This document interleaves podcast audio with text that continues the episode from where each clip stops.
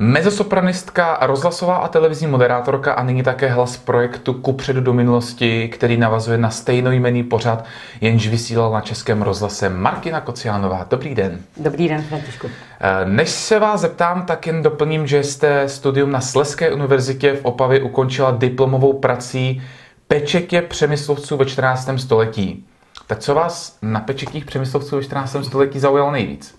Byly to pečetě opavských přemyslovců, to je ta levobočná větev.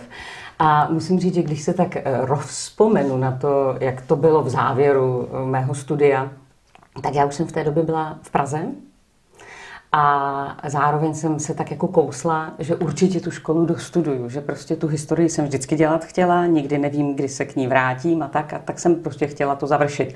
A pečetě opavských přemyslovců, tam je samozřejmě taková ta velká postava Mikuláše Opavského, což je skutečně takové zjevení v historii, protože on byl nejenom velmi schopný panovník, velmi schopný vládce, zároveň to byl velmi krásný chlap podle, eh, podle pramenů historických a byl to takový jako, jak bych to nazvala, takový velmi schopný raubíř. Myslím si, nejsem si tím úplně jistá, ale myslím si, že dokonce dokumentarista Jan Svatoš teď o, o této větvi mm-hmm. a o něm e, natočil film, takže pokud mám pravdu, tak se na to budu moc těšit, protože Jan Svatoš je nesmírně schopný dokumentarista, ale tady je to film. A já jsem tedy, abych se vrátila k otázce, proč pečetí opavských přemyslovců, tak tedy protože mě zajímali, bavilo, bavilo mě to, ale kromě toho také, jak už jsem řekla, já jsem byla v té době v Opavě a zároveň v Praze. A e, dnes už by studenti nevěděli, o čem mluvím, protože dnes je systém kreditů a podobně. Ale tehdy to tak nebylo. Tehdy byla třeba e, povinná účast na takzvaných cvičkách. A tam musela být stoprocentní účast. A podepisovala se prezenční listina, mm-hmm. nebylo nás tolik, aby vás někdo mohl podepsat a vydávat to za vás. A mě nedali individuální studijní plán, takže já jsem musela pořád dojíždět, ale pořád. Takže jsem skončila hlavní zprávy, pak jsem ještě dělala noční zprávy, pak jsem sedla na Košičan o půl jedné ráno, mm. pak jsem dojela do uh, Ostravy, Svinová, tam jsem přestoupila na vlak do Opavy, v 8 hodin jsem byla na Sleské univerzitě v Opavě, eh, v půl desáté jsme končili, já jsem po desáté stíhala vlak a někdy po druhé hodině jsem byla zase v Praze a byla jsem na poradě. A šla jsem na, na zprávy a v noci jsem udělala noční zprávy a šla jsem na Košičan. Já jsem vlastně se nemusela tehdy v Praze pronajímat byt, protože jsem byla pořád v tom vlaku. Mm, to, je taková, to, je takový, to je takový ekvivalent eh, k cestování po transsibirský magistrále, že? Tam Bavilo by mě to. doufám, že to jednou, doufám, že to je, akorát, že já jsem pořád jela v tom Košičanu a mně se pak stávalo, že když jsem seděla doma, nebo respektive se mi stalo, že jsem uh, mohla spát v posteli, tak jsem se budila v stekle uprostřed noci, že máme výluku, protože no. jak se to netřáslo, tak já jsem měla pocit, že něco není v pořádku. Ale proč o tom mluvím? No, protože já jsem samozřejmě potřebovala uh, lehčí téma. Já jsem prostě neměla už v té době uh, tu kapacitu, abych ještě navíc šla do oblastního archivu v Opavě a tam strávila dny a noce, o noce ne v archivu, to by mě vyhodili, ale abych tam prostě trávila čas a Tehdy mi hrozně pomohl uh, profesor Dalibor Prix, který ty pečetě opavských přemyslovců už měl jakoby nafocené a měl kolekci. A jenom to potřeboval zpracovat což už historicky dosadit, doložit, jakoby katalogizovat. A uh, takže ty důvody jsou proto, že mě to moc bavilo, protože Eh, ta eh, pomocná věda historická o pečetích je prostě nesmírně zajímavá. V těch pečetích můžete najít celé příběhy a podstatu prostě toho panovníka, eh, šlechtice, rodu, cechu. A taky proto, že vlastně to nebylo tak náročné. Takže já přestože dneska jsem taková někdy trošku vsteklá, jak probíhá ta výuka, tak i v tomhle tématu jsem tehdy hledala cestu nejmenšího odporu. A když to ještě vrátím, my jsme vlastně studovali dvojobor historie muzeologie, a já jsem jako bakalářskou práci dělala z té muzeologie a tam jsme museli dělat také restaurování. A já jsem restaurovala eh, středověkou šipku ze 14. století a dřevěný korpus Krista mm, asi ze století 19. to nebyla žádná vzácná věc. A nad tím jsem prostě strávila v té dílně eh, třeba dva měsíce. Kdy jsem prostě zubním dlátkem takhle tímhle pohybem odstraňovala polychromy z toho korpusu Krista a pak jsem prostě si strouhala piliny, barvila je pigmentem, přidělávala ruce a celý to napouštěla voskem do děr po červotoči jsem spala tmel a ty piliny, ale to opravdu bylo tak časově náročné, že třeba na tuhle magisterskou práci už bych to prostě vůbec nebyla schopná zvládnout. Což je aspoň trochu omluvitelný samozřejmě, ale evidentně se to povedlo výsledná práce prošla. Ano, ano. Takže no, proč? Já, Není problém. Já si myslím, že jsem dostala jedničku a mám tam ještě takovou hezkou vzpomínku, protože jsem měla toho eh, konzultanta a eh, i když, jak říkám, mi nedali ten individuál, tak eh, se mi třeba snažili pomoct a on mi napsal třeba, jedu do Prahy, můžeme konzultovat?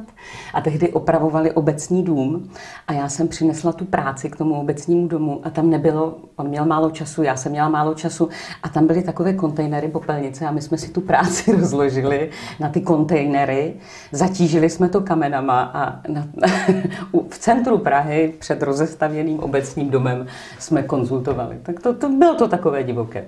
To je takový romantismus. Takový. jo, jo, jo. Uh, je v tom celkově nějaká láska celému středověku, a nebo je to jenom o té historii jako celku? Co vás jakoby víc láká, ten středověk jako takový, anebo celkově se dívat na historii, po případě se z ní poučovat úplně? Mělo to etapy. Když jsem šla na vysokou, tak jsem pořád ještě sněla o tom, že budu egyptologem. To mě zajímalo, to mě bavilo, to jsem měla načtené a samozřejmě, jak už jste mě odhalil, byl v tom taky takový trošičku jako zastydlý romantismus. A pak eh, na Vysoké mě nesmírně chytl raný středověk, eh, který mi prostě přišel takový rizí, syrový a potom, když do toho začali přicházet opravdoví politikové, jako byl třeba Přemysl Otakar první, protože to, to byl nesmírně, to byla štika. To byla, to, z něho by se mohli mnozí učit, ale na druhou stranu jsou tam stránky, ze kterých se mnozí poučili, to je, že pro něho žádná smlouva nebyla svatá. Ten uzavíral vlastně účelové smlouvy, účelová přátelství a pak odcházel s tím, kdo zrovna vyhrával. Jako to bylo, ne, nechci ho zjednodušit, ale je to trošku tak. A posléze vlastně přestože dřív jsem tak spupně tvrdila, že pro mě historie končí s rachotem prvního parního stroje, protože tam odchází trošku ta romantika. Mm-hmm. Tak eh, časem mi došlo, že mm, to bylo eh, trošku hloupé, protože vlastně to je ta novodobá, novodobá historie, která nejenom eh, začala utvářet všechno to, co kolem sebe máme, ten průmysl a to, co vlastně nás popohnalo, ale zároveň se tam začaly eh, odehrávat eh, na velmi krátkém časovém území jevy, a které my teď můžeme znovu vidět. A tady je to, co vy jste říkal, poučení se z historie. Takže je to, dneska už je to amblok, dneska už je to amblok a člověk vidí, jak některá rozhodnutí, některé míry, to víme, že v novodobé historii, Vestfálský mír, co později způsobil a tak dále. Takže víme, že věci, které vznikly hluboko v historii, vlastně to, co zaseli, se třeba projevilo klidně za 100-200 let později. Že čistě teoreticky, eh, čím jste v úvozovkách více dospívala, tak čím, tím jste postupovala i tím časem té historie, až jste pak došla k tomu, že historie je nejlepší jako celek. V podstatě. Tak jste to zhrnul hezky. Tak. Eh, já jsem to měl třeba naopak. Když jsem byl mhm. nejmenší, tak jsem měl rád tu nejnovější technologii. Mhm. Představoval jsem se jako prostě ten kosmonaut v raketě. A čím starší jsem byl, ale to bylo fakt jako v pubertě, tak tím starší doba mě zajímala a teď si pustím cokoliv historického, co kde najdu, mm-hmm. protože za mě ta historie je přitažilá celkově. Například eh, ten vývoj průmyslu je podle mě tak trochu spíš špánský kvůli těm strojům, který té době vládnou a řekl bych, že třeba například romantismus je možná spíš dámský, protože se tam možná hodně jednalo o lásce, ale to možná mám... Mám stý... genderově se na to vůbec nedíváte dobře. Dnešní feministky by vám to vysvětlili, ale pravdou... Česká ženská lobby mě ještě už nahlasuje. Ale uh, pravdou je, že když jsme měli třeba předmět dějiny vědy a techniky, tak nemohu říct, že bych v tom byla zrovna silná. A hmm. musím říct, že to mě vlastně zpětně fascinuje. Teď především. Co to a... poučení z historie? Myslíte, že platí to pravidlo, že kdo se z historie nepoučí, nebo pokud se civilizace či společnost nějaká z historie nepoučí, je nucena ji nebo odsouzená ji opakovat? Já si myslím, že to tak vlastně je a uh, trošku nás to dovádí k tomu, k té teorii toho spirálovitého vývoje, ale velmi bych si přála, aby to tak nebylo. Profesor Martin Kovář, historik, říká, že se prostě z historie nepoučíme. Hmm. A já bych si přála, aby to tak nebylo. Ale vidím, že vidím, vidím na spoustě příkladů v současnosti, že prostě opakujeme věci, ať už historické etapy, ať už ideologické směry, které prostě se ukázaly, že jsou třeba dokonce i rizí zlo a my do toho zase jdeme prsama. Například? Podívejte se třeba eh, na vznik nacismu. Já jsem nedávno sledovala dokument, kde vlastně ukazovali, jak vlastně nenápadně to přicházelo, jak se to vlastně tvářilo jako to rizí dobro. Eh, aby nebyli chudí, zaměstnat, zaměstnat lidi, eh, posílit infrastrukturu země, eh, začít budovat eh, zemi. Byl tam samozřejmě i takový ten, ten vlastenecko-národnostní prvek. A vlastně nikdo nevěděl, jak se to stalo a když pak prostě Führer stál Eh, nad davy a křičel, jestli chtějí máslo nebo habeš, tak hospodyňky křičeli habeš. A nikdo nevěděl, jak se to stalo a najednou těch organizovaných nacistů bylo 67 milionů.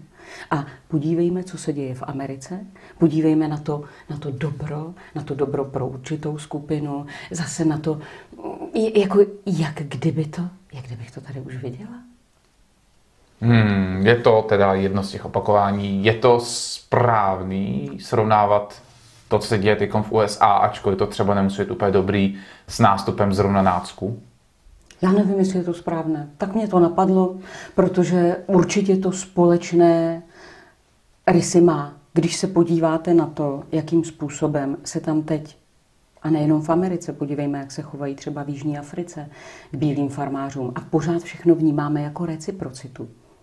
Jako kdyby to byla odplata za to, jak se by chovali k ním a teď by to bylo v pořádku, že to je v podstatě jenom součást toho trestu a té odpovědnosti naší. Františku, my jsme otroctví nevymysleli, my jsme ho zrušili. To je pravda. To ví každý, kromě některých aktivistů.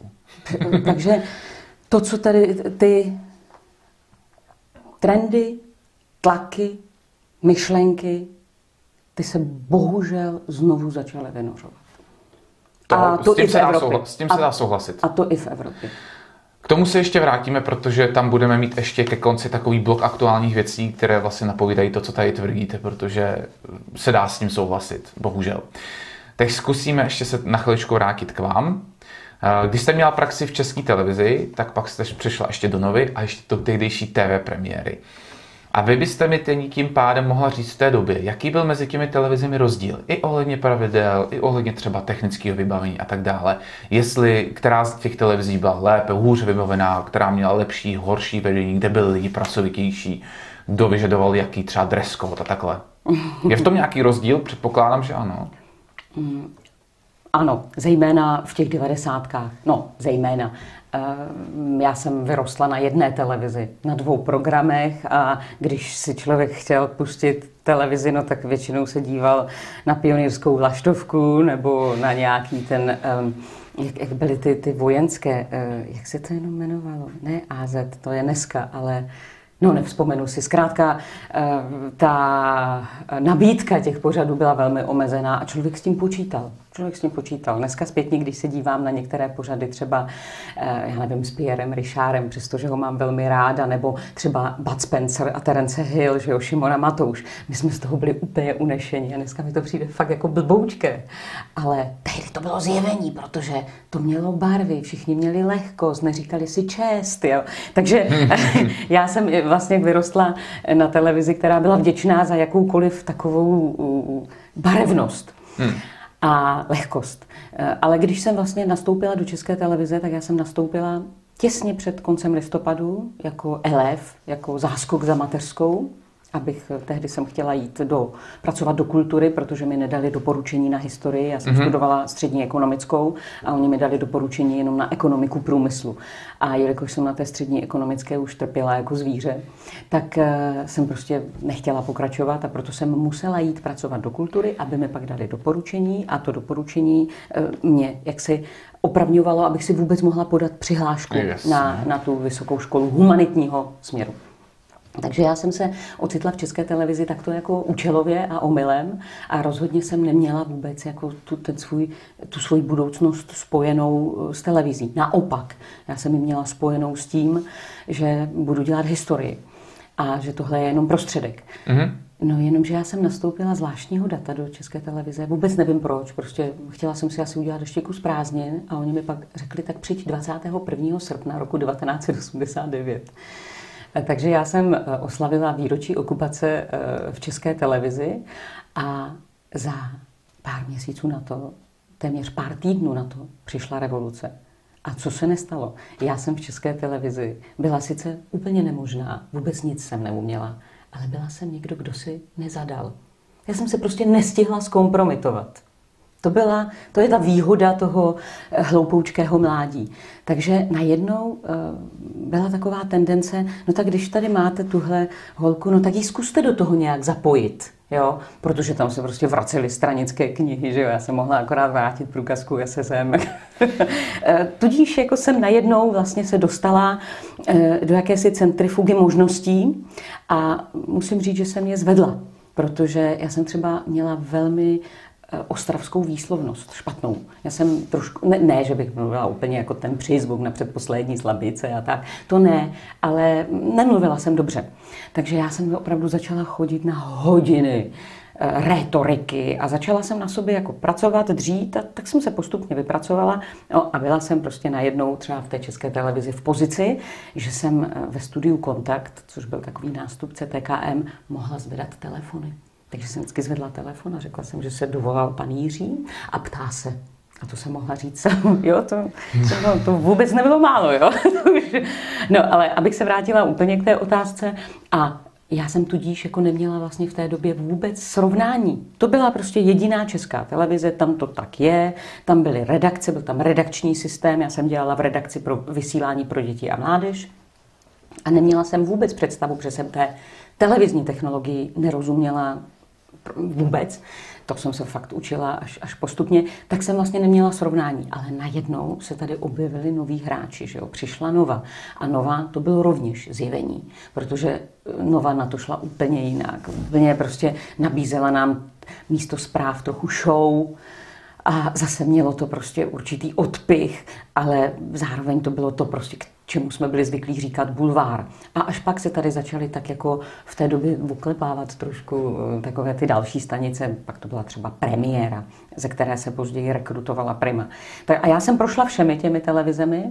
Eh, v té české televizi jsem eh, teda začínala, tam jsem pak dělala regionální zpravodajství moderátorku. No a tam si mě všiml tehdy Martin Severa a pozvali mě na konkurs do Novy.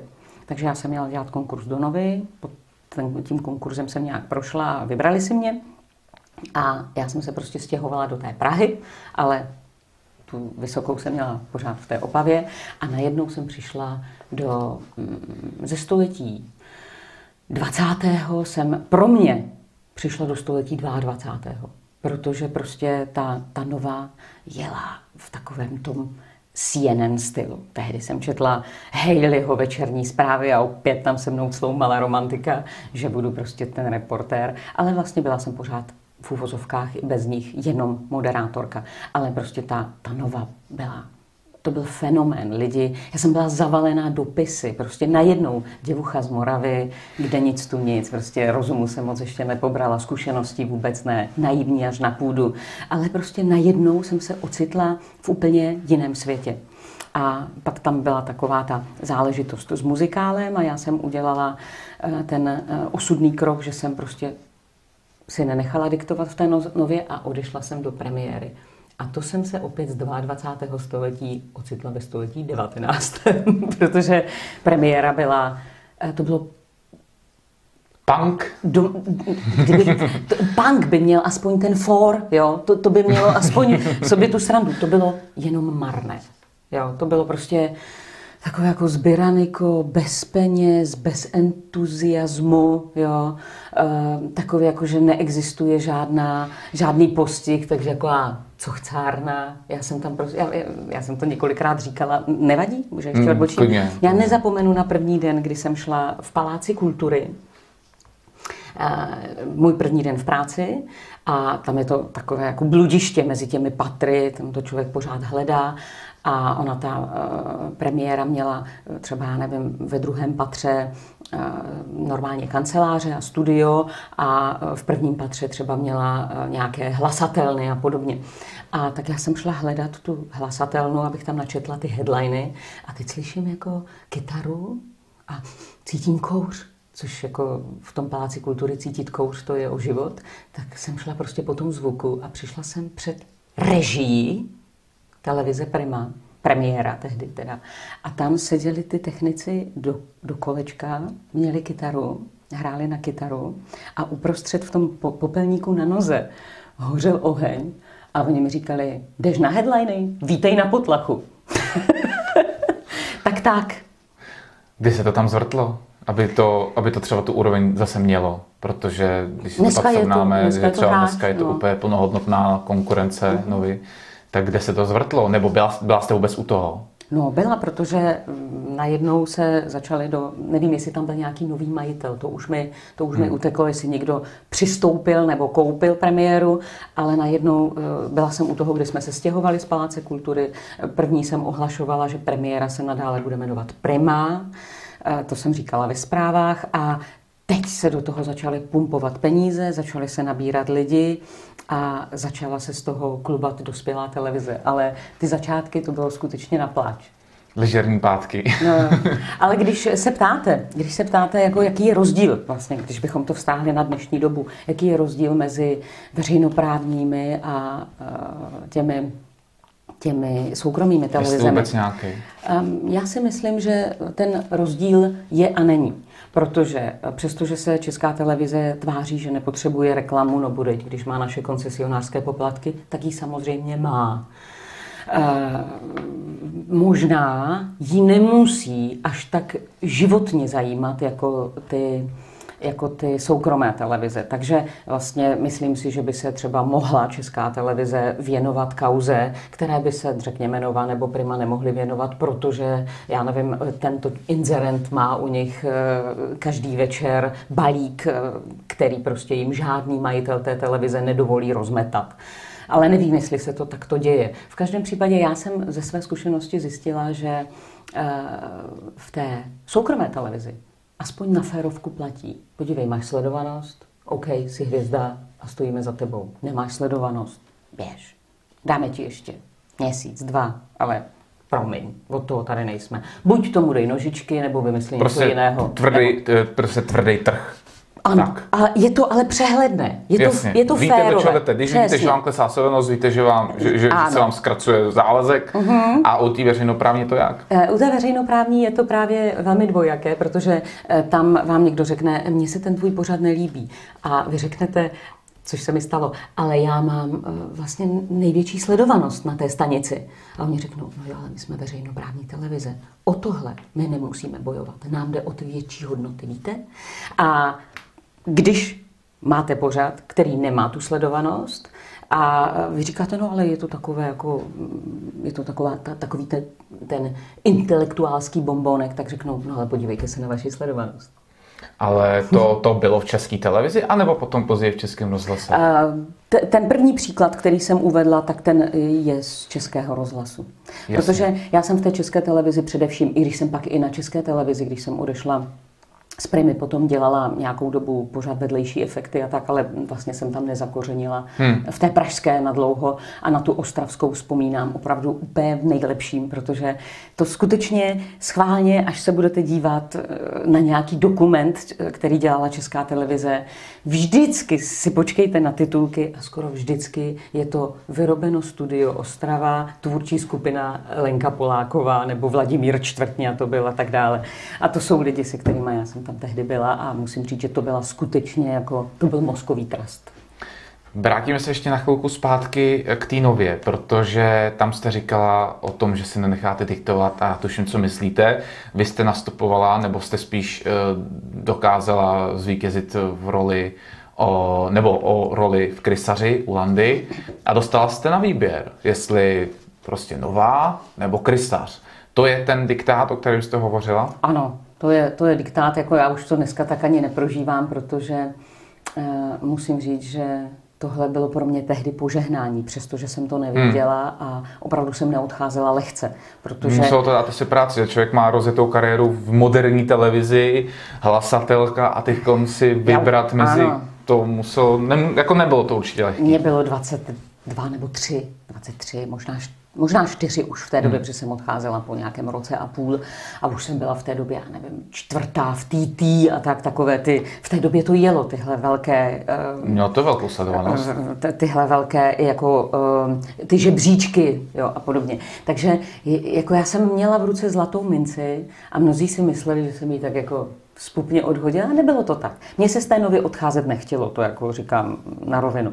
Ale já když jsem šla na ten konkurs a stála jsem na tom jevišti a teď jsem prostě hrála, ten monolog jsem musela mít připravený a dialog a teď jsem prostě viděla tam, tam ty rockery a nebo prostě ty herce a, a bylo vidět, že se jim jako, že, že, že je zaujal ten, ten výkon. A tak já jsem se do toho pokládala dál a dál a prostě najednou tady bylo něco nesmírně životného pro mě a já jsem cítila, že vlastně to, co mi chybělo, když jsem odešla z Ostravy a přestala jsem studovat Lidovou konzervatoř zpěv, kterou jsem tam tehdy studovala, že vlastně v tu chvíli jsem zjistila, co to bylo, co mi chybělo. Že to je, že to je prostě hudba, že je to zpěv, možná i trochu divadlo. A hlavně v té době byla opravdu obrovská móda na nově především těch velkých pořadů, kde všichni, kdo se ochomítli kolem kamery, prostě vystupovali, ať už to uměli nebo ne, prostě v roli těch veselých eh, postaviček, zajíčků, kuřátek a dělali, prostě pitvořili se.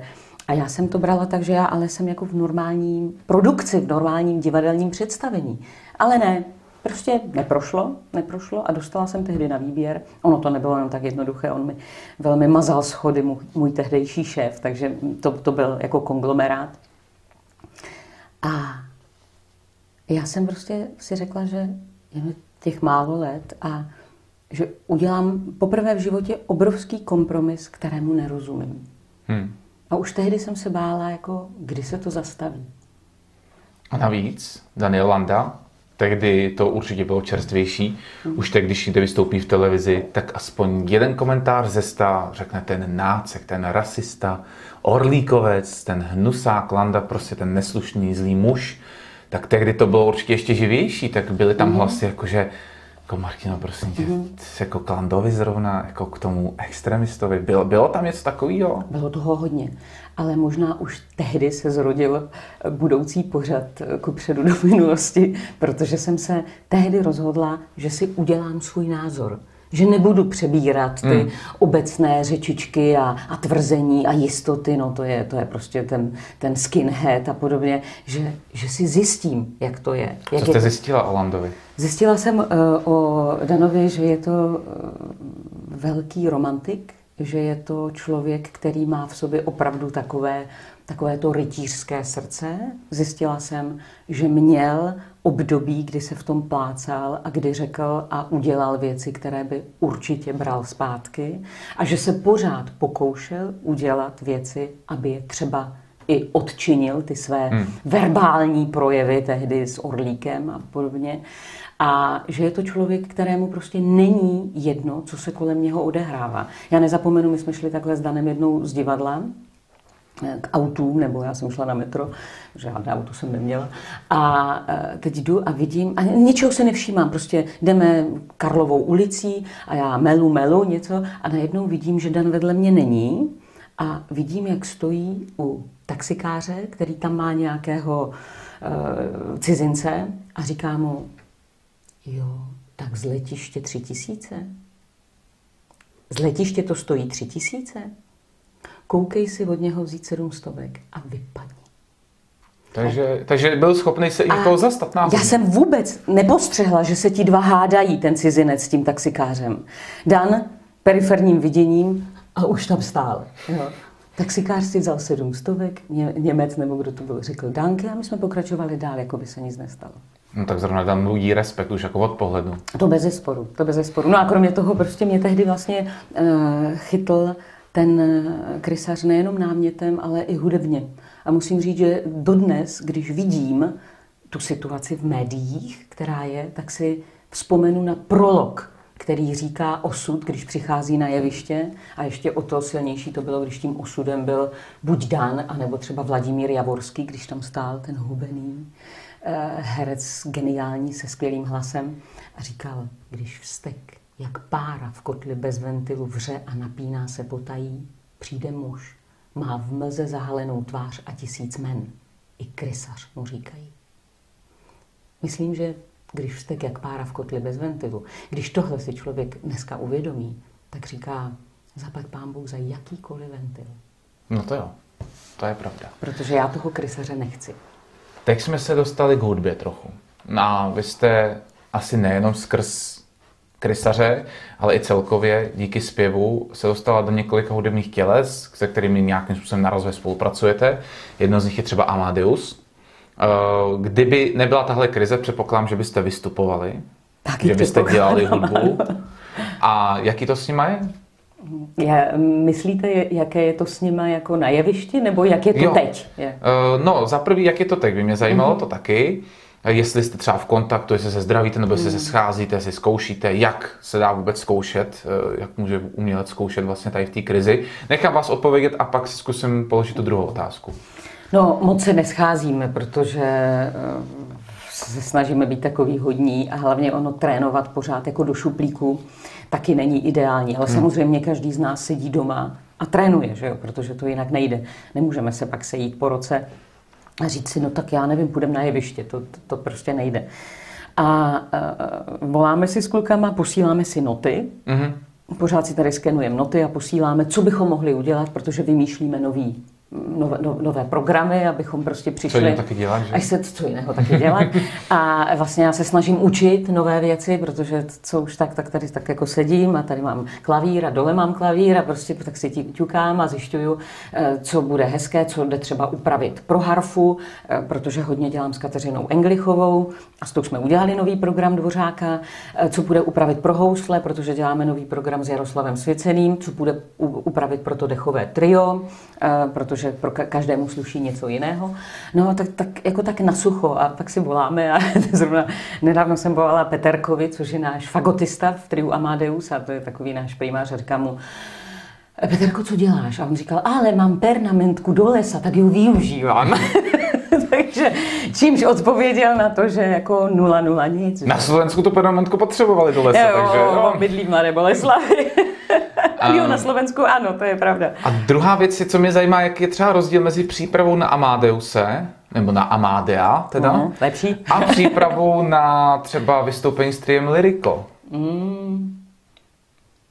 Žádný, tom není rozdíl. Jo, je. Není, není Přistupujete k tomu relativně stejně, akorát Určitě. děláte trošičku jinou hudbu. Jiný repertoár. Protože no. třeba s triem Lyrico interpretujete Francii, Itálii, ano, eh, romantismus. A podobně. Umíte francouzsky a italsky? Uh, neumím, neumím. Umím trošku italsky samozřejmě, to už jsem se tak jako naučila uh, za chodu. Mm-hmm. Francouzsky umím minimálně a tudíž mám vždycky před sebou takovou tu hroznou práci, že si vezmu ten, ten text, nadepíšu si přesně výslovnost s nějakým rodilým francouzem nebo s francouzštinářem, pak se to učím a pak s ním sedím. On mi slovo po slově vysvětluje, jako co to znamená, abych prostě mohla dát správný důraz nebo něco. Byť ono, ty noty, ty kuličky vás vedou i v, i v té mluvě, ale přece jenom, když ten jazyk neznáte, je to zlé a vysvětluje mi, jak mám zpívat zavřené, otevřené E. Já se hrozně rozčiluju, protože říkám, jak můžu zpívat na na téhle notě, když tady zpívám Bčko, jak můžu zpívat zavřené e, to prostě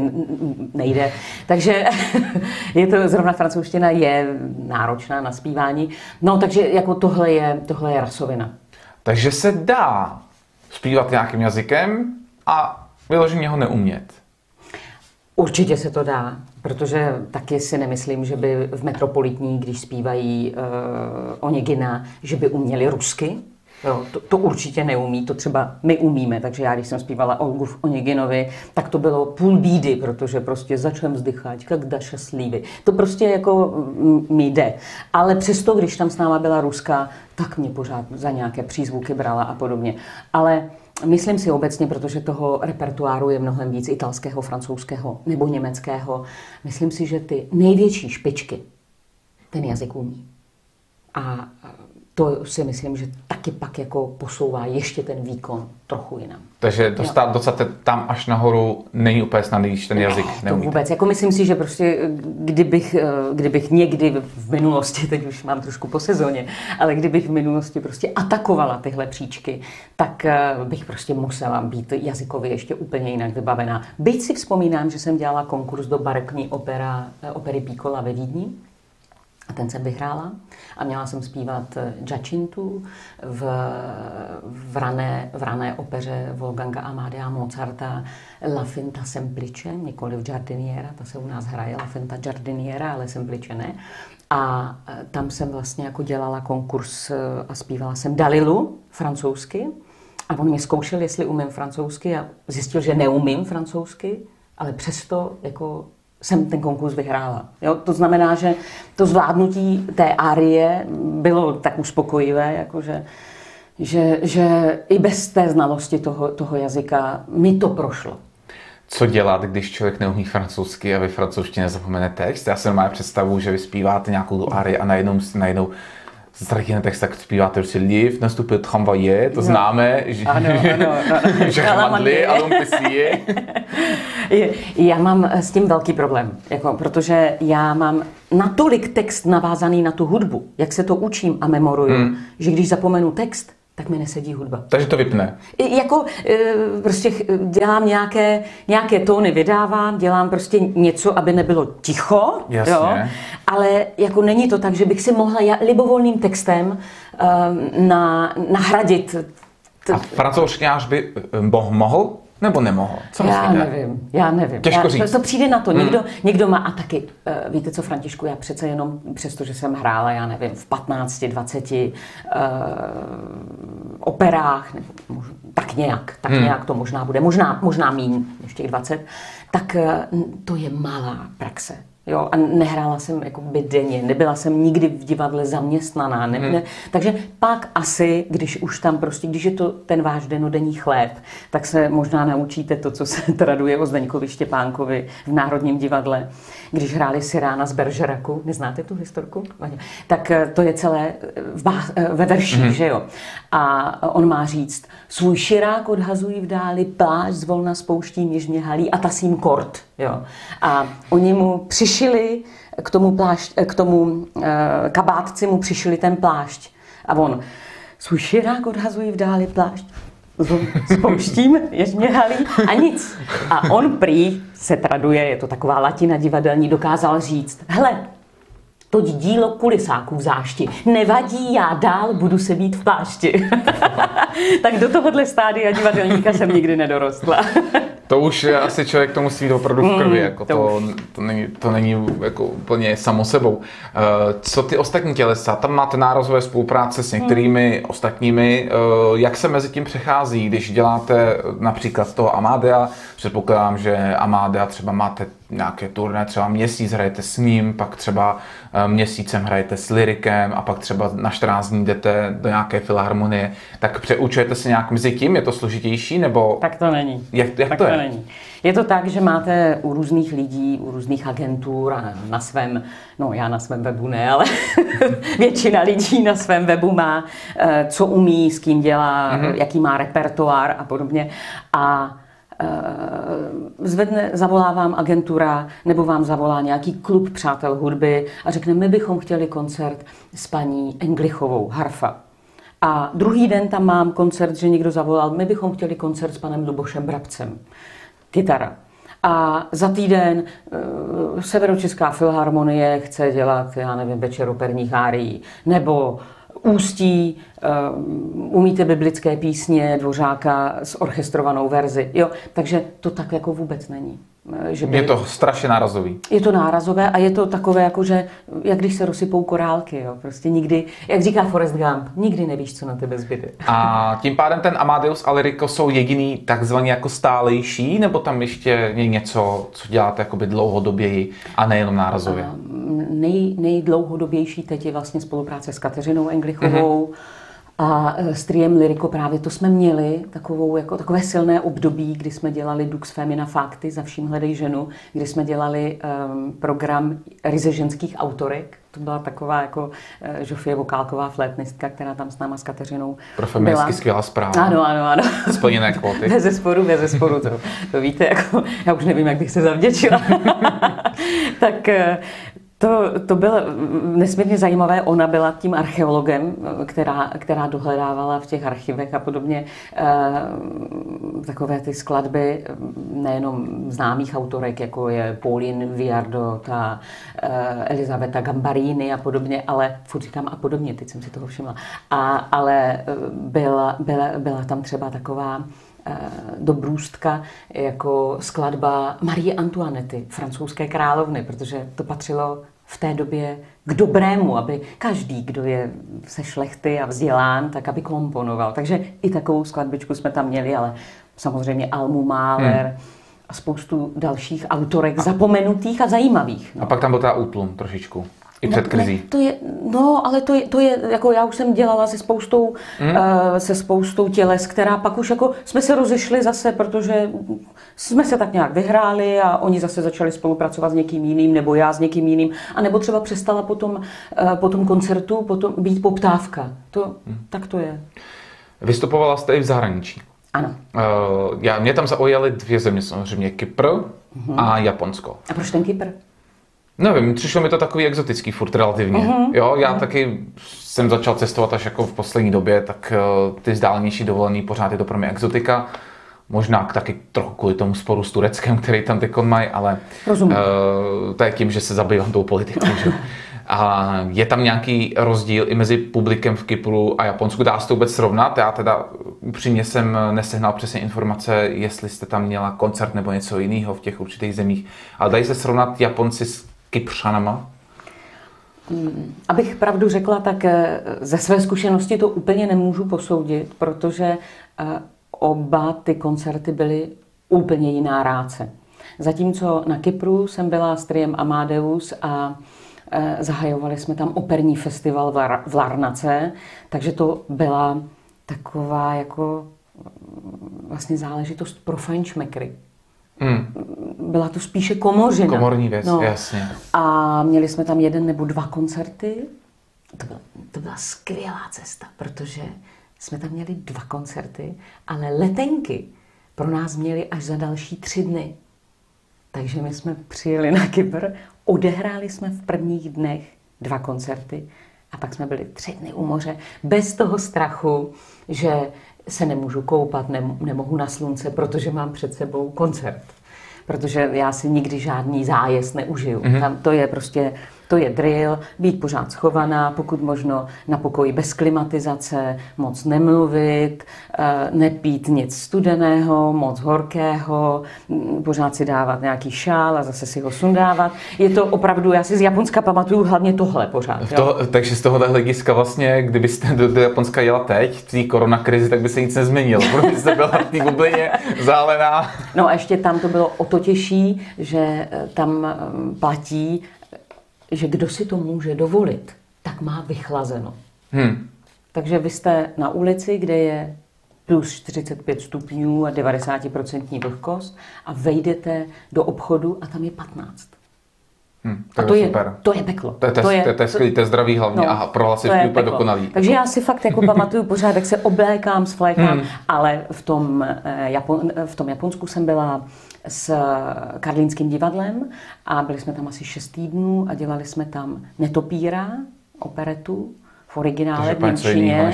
A pak tam, bylo, pak tam bylo 14 dní nejslavnějších muzikálových hmm. árií, jako nebo koncert. A to byla show. To bylo prostě obrovský sbor. Uh, solisti, dva orchestry, svícení, kostýmy v obou případech. Takže to se s tou Larnakou, To, byl, to se nedá srovnat. A bylo to hlavně, já nevím, v Shinjuku v hale pro tři tisíce lidí, která byla narvaná. Takže to byl takový jako, to byl docela zážitek. Já si, já si představu sám sebe, že bych měl stát na pódium takový show a teď bych tam jako to postavil, tam kolem sebe viděl všechny ty věci, které mě i zajímají jako diváka. A za půl minuty by do mě někdo strkal, že už mám třeba dávno zpívat nebo něco. Dá, může se to stát? Nebo, nebo vám to prostě ta morálka nedovolí? Strach vám to nedovolí. Strach. Já jsem tremista. A, přes... takže, takže absolutní slepota a čekám na ten svůj okamžik. Soustředěnost. Prostě, soustředěnost. soustředěnost, absolutní. Ale přesto se mi stala taková věc, když jsem, já jsem tam zpívala Máří Magdalénu v tom muzikálovém koncertu, mimo jiné.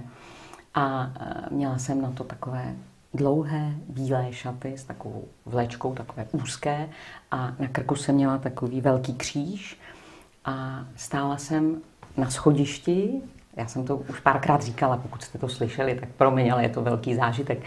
A pode mnou eh, byly ty dva orchestry, eh, přímo proti mně stál eh, Arnošt Moulík, skvělý dirigent v bílém smokingu.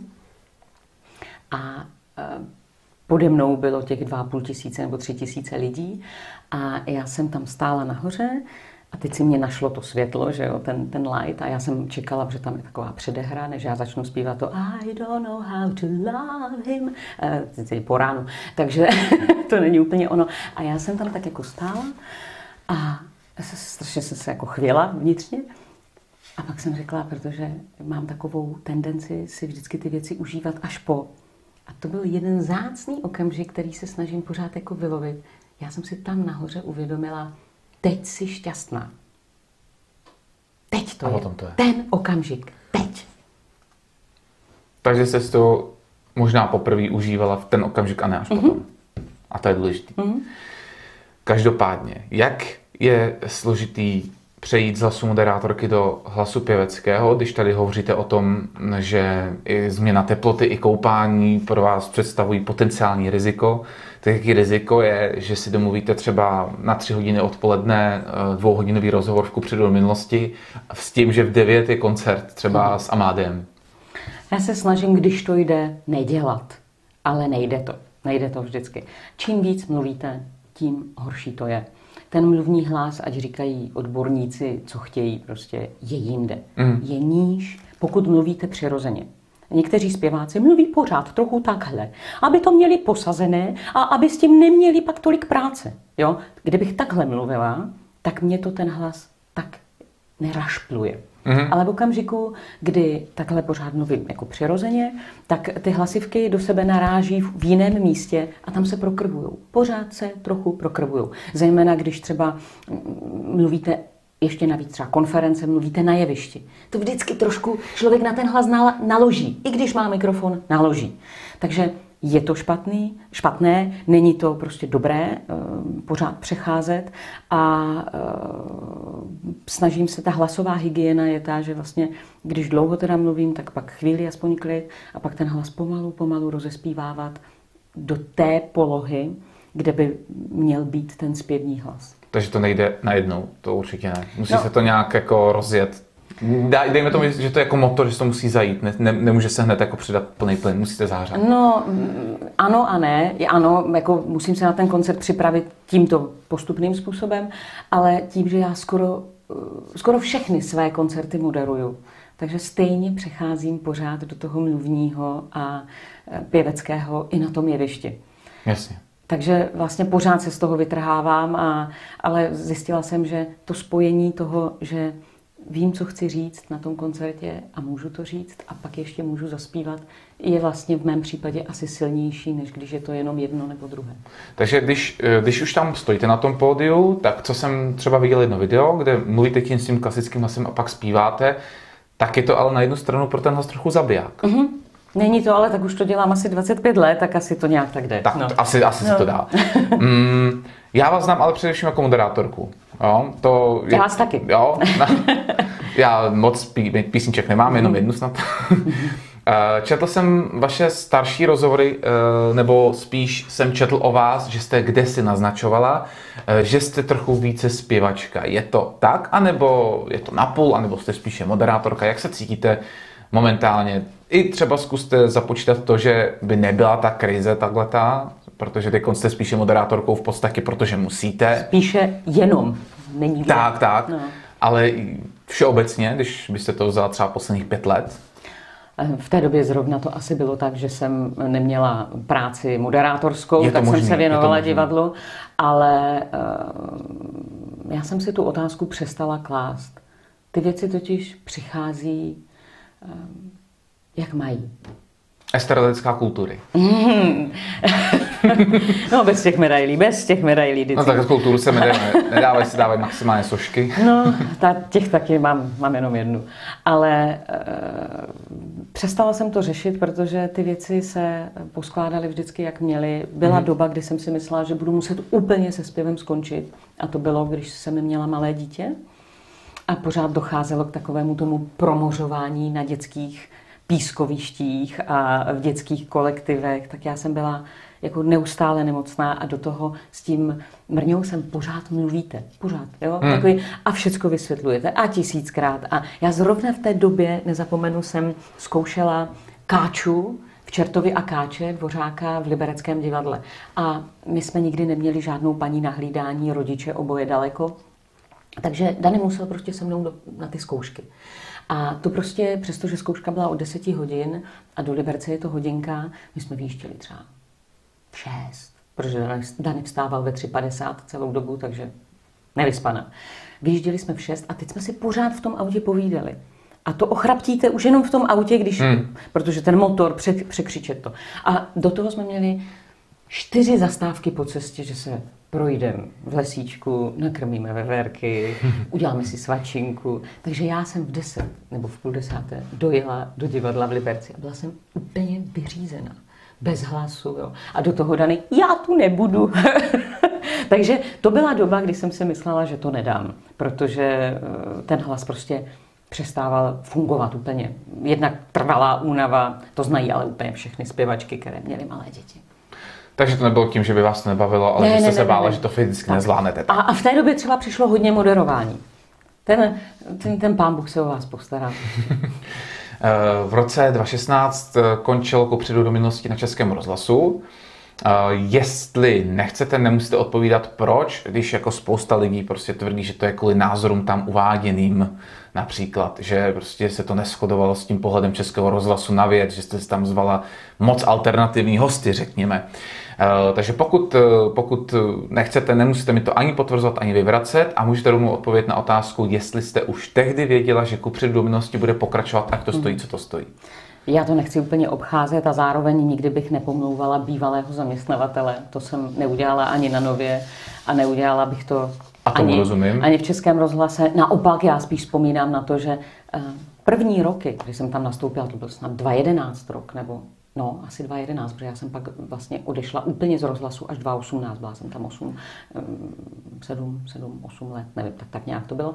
Tak já jsem tam byla ale extrémně spokojená. Já jsem hmm. dokonce se v tom rozhlase tak našla, že jsem že bych to vyměnila za všechny televize a podobně. To byla prostě pro mě práce, kvásy. Jo. To byla taky doba, kdy jsem najednou začala mít pořád nápady. Já jsem dřív si říkala, co já bych tak dělala, jaký pořád bych vymyslela a tak. A najednou to prostě, taky Dany už byl větší synek, mm. takže trošičku taková, jako že se člověk už nemusí věnovat jenom, jenom, eh, jenom jemu. A to bylo ohromné. Ale skončilo to v okamžiku, kdy jsem přišla s tím námětem ku předu do minulosti. Už jenom prosadit ten námět eh, bylo smrtící a nebýt tehdejšího ředitele mm, Petra Duhana, tak se to nepovedlo. A vlastně v okamžiku, kdy Petr Duhan byl odejít, tak eh, to bylo pořád těžší a těžší. Ale bylo to vlastně opravdu proto, že eh, ten pořad vybočoval vším a především vybočoval mnohostí názorů, eh, mnohostí hostů a snahou o různé pohledy na věc. A teď ještě, než vás nechám odpovědět na to ku předu do mm-hmm. Není to škoda, že prostě jenom kvůli tomu, že ty lidi tam mají různý názor, že to končí, není to jako divný, že přece nebo jako o diskuzi by to mělo být, aspoň ten český veřejnoprávní rozhlas. Mně se jednou dostalo odpovědi a dokonce i mému kolegovi Ladislavovi Henkovi, který poté odcházel z české televize a oba jsme měli vlastně stejnou zkušenost, že jsme přišli a nabídli jsme těm našim lidem, kteří to schvalovali hmm. nebo který, se kterými jsme to konzultovali, tak jsme jim nabídli nějakého hosta nebo téma a v obou případech nám řekli, že to nepůjde. A když jsme se ptali, proč, tak řekli, my jsme veřejnoprávní prostě médium, my musíme přece jenom vysílat pravdu. Jo, takhle. Hm, to, je to, je, to je opravdu jako specifické nastavení mysli. Samozřejmě jsou tam různé vlivy, jsou tam mm, ti šéfové zase, co si budeme říkat, jsou, jsou eh, vystaveni neustálému ostřelování a okopávání kotníků z různých stran.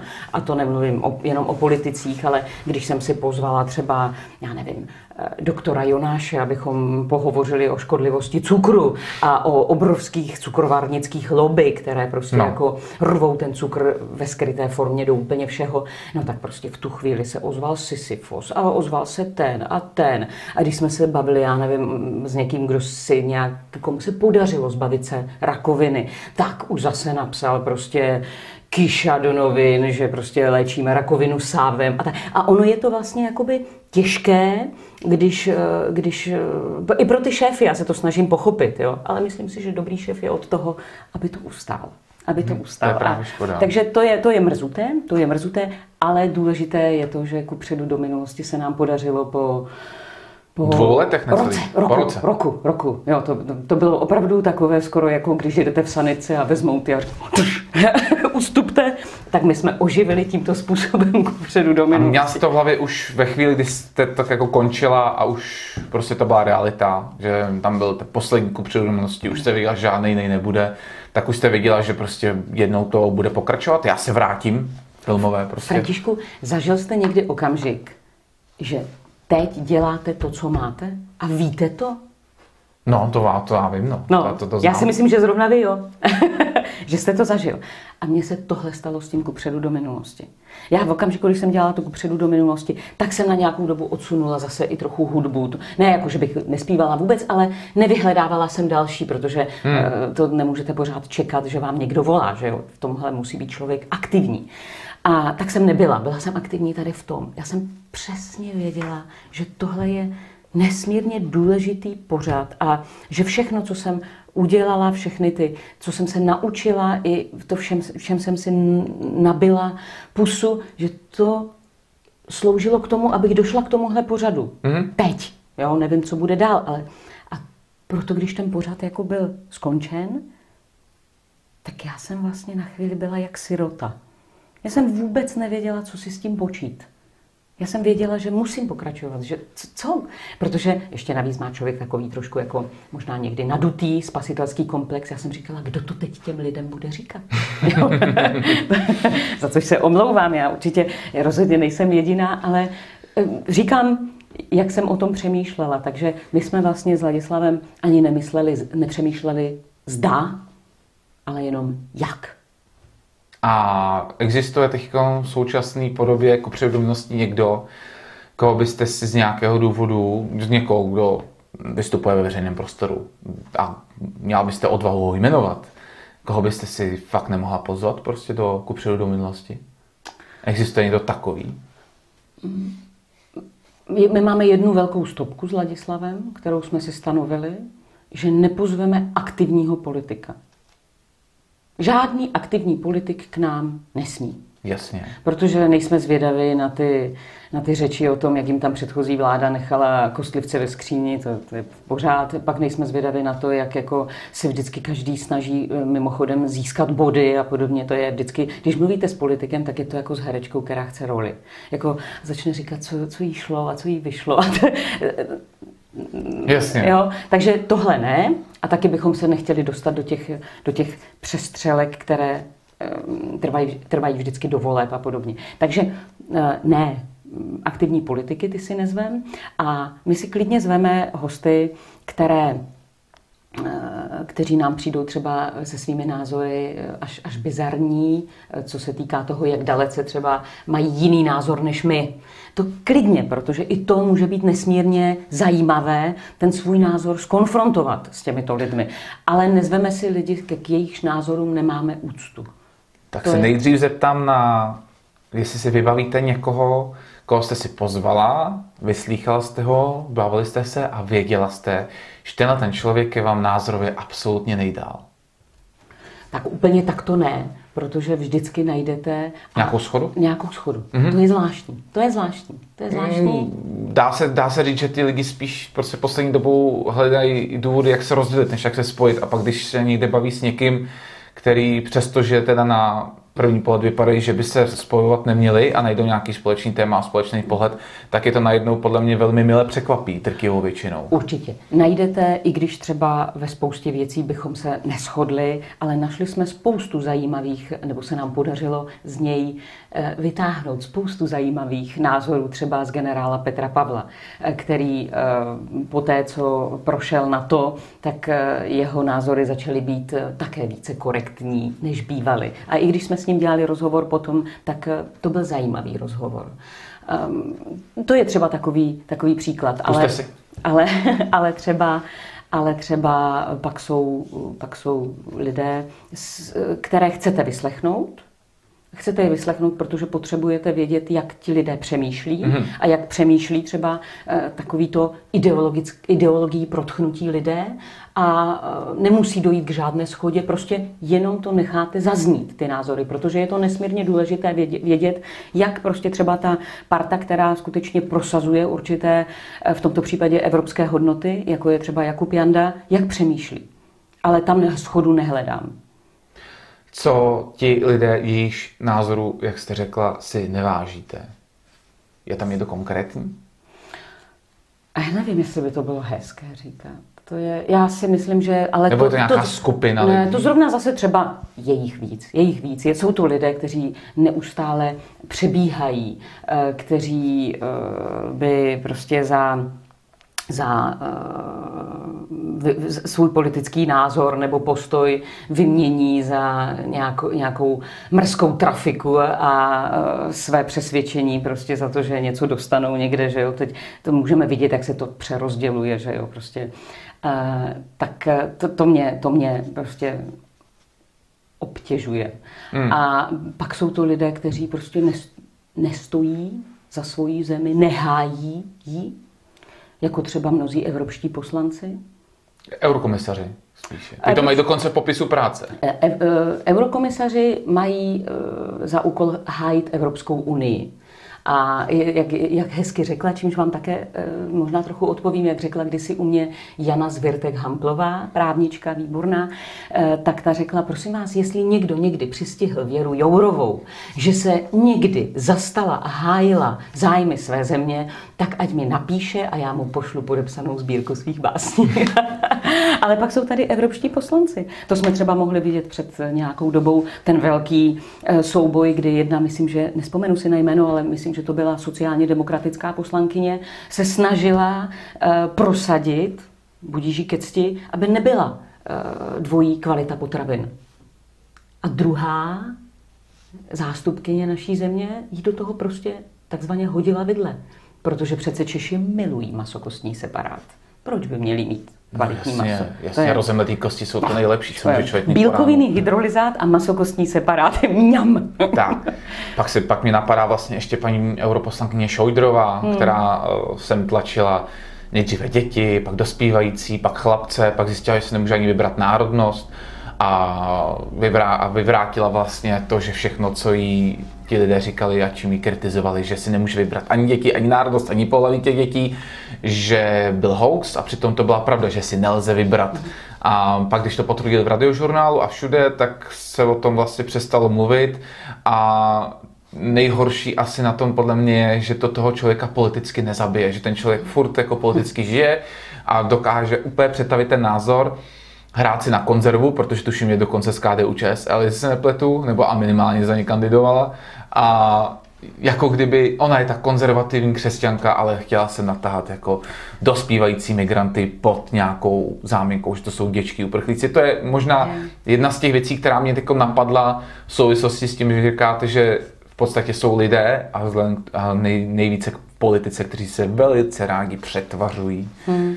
A já jsem nad tím přemýšlela tak při nekonečných cestách autem, tedy teď ne, teď jenom po hranice okresu, ale obecně mm, nad těma věcmi vždycky se snažím trošku jako si je tak jako rozmyslet. A mm, vlastně mi z toho vychází, že tyto mm, ideologicky podmíněné věci, jako tahání lodí s uprchlíkama, kdy už se pomalu nemůžou jít ani tam vykoupat do moře, protože už je někdo tahá na loď a zachraňuje je. Tak eh, tady tyto věci, že budeme brát eh, sirotky, kterým je 17 let, že jo, jak se pak zjistilo a podobně, tak eh, že tohle je vlastně vedeno takovým velmi rafinovaně převlečeným převlečenou ideologií a egoismem za dobro. Protože když se nad tím člověk zamyslí, tak přece by to každý chtěl. Hmm. Já přece nechci vidět někoho, jak se utopil. Já přece nechci vidět mámu, která brečí nad tím, že dítě jí umírá hladem. Já to nechci vidět. Jo, to, to je jasné. A nechci, aby se to stalo. Ale člověk musí domýšlet věci do konce. A musí domýšlet své kroky do konce. Já nemůžu přece ostatní lidi uvrhnout třeba do bídy nebo neštěstí, protože já se potřebuju cítit dobře. A dobře, můžeme si vzít třeba modelový příklad. Tak budeme předobří. Evropa bude předobrá. Jo? Každý rok se v Africe narodí 80 milionů lidí. Dobře, ulevme Africe a vezměme 80 milionů lidí, to je Německo, vezměme je k nám. Jo? Tak je tady rozpustíme, tu a tam, prostě někde eh, osídlíme nějaké, nějaká místa, která jsou třeba ne, ne tak, eh, kde ta aglomerace není tak vydatná a, a pomůžeme Africe. Co se stane další rok? Narodí se v Africe 80 milionů lidí. Dobře, tak to už bude trošku problém, protože už nám asi půjde, jak říkáme na Moravě, z tlustých, tlustých do tenkých, ale dobře, pomůžeme a vezmeme 80 milionů lidí. To už bude jako opravdu trošku náročnější a pravděpodobně začnou některé regiony kolabovat, zcela se promění prostě eh, kulturní atmosféra v zemi, zcela se promění průmysl, výroba a tak, a tak dále, pořád říkám a tak dále. A co se stane? V Africe se narodí 80 milionů lidí. 80, ne 90. No, protože když se uleví, tak to bude, ano. ano. Já jsem to jenom, takže tady přece musíme domýšlet věci do konce. I dobro má hranice. No, hlavně tohle už není dobro. Jo, v tom je ten problém. Já jsem taky teď, kde jsem na to narazila? V konečném důsledku se může vlastně jednat o zlo, který bylo dlážděno dobrými úmysly v podstatě. Čisté zlo. Toto je čisté zlo, protože uh, jestliže zachráním 100 tisíc lidí a 100 milionů ohrozím a přivedu do bídy a do problému, tak kde je to dobro? Jenom já se cítím dobře. Tak. Jo? Krameri, Kramerinovace na 2019, ta byla za kupředu, předpokládám. Ano, Kramerina. Je, je podle vás tak kontroverzní, jak se o ní tvrdí?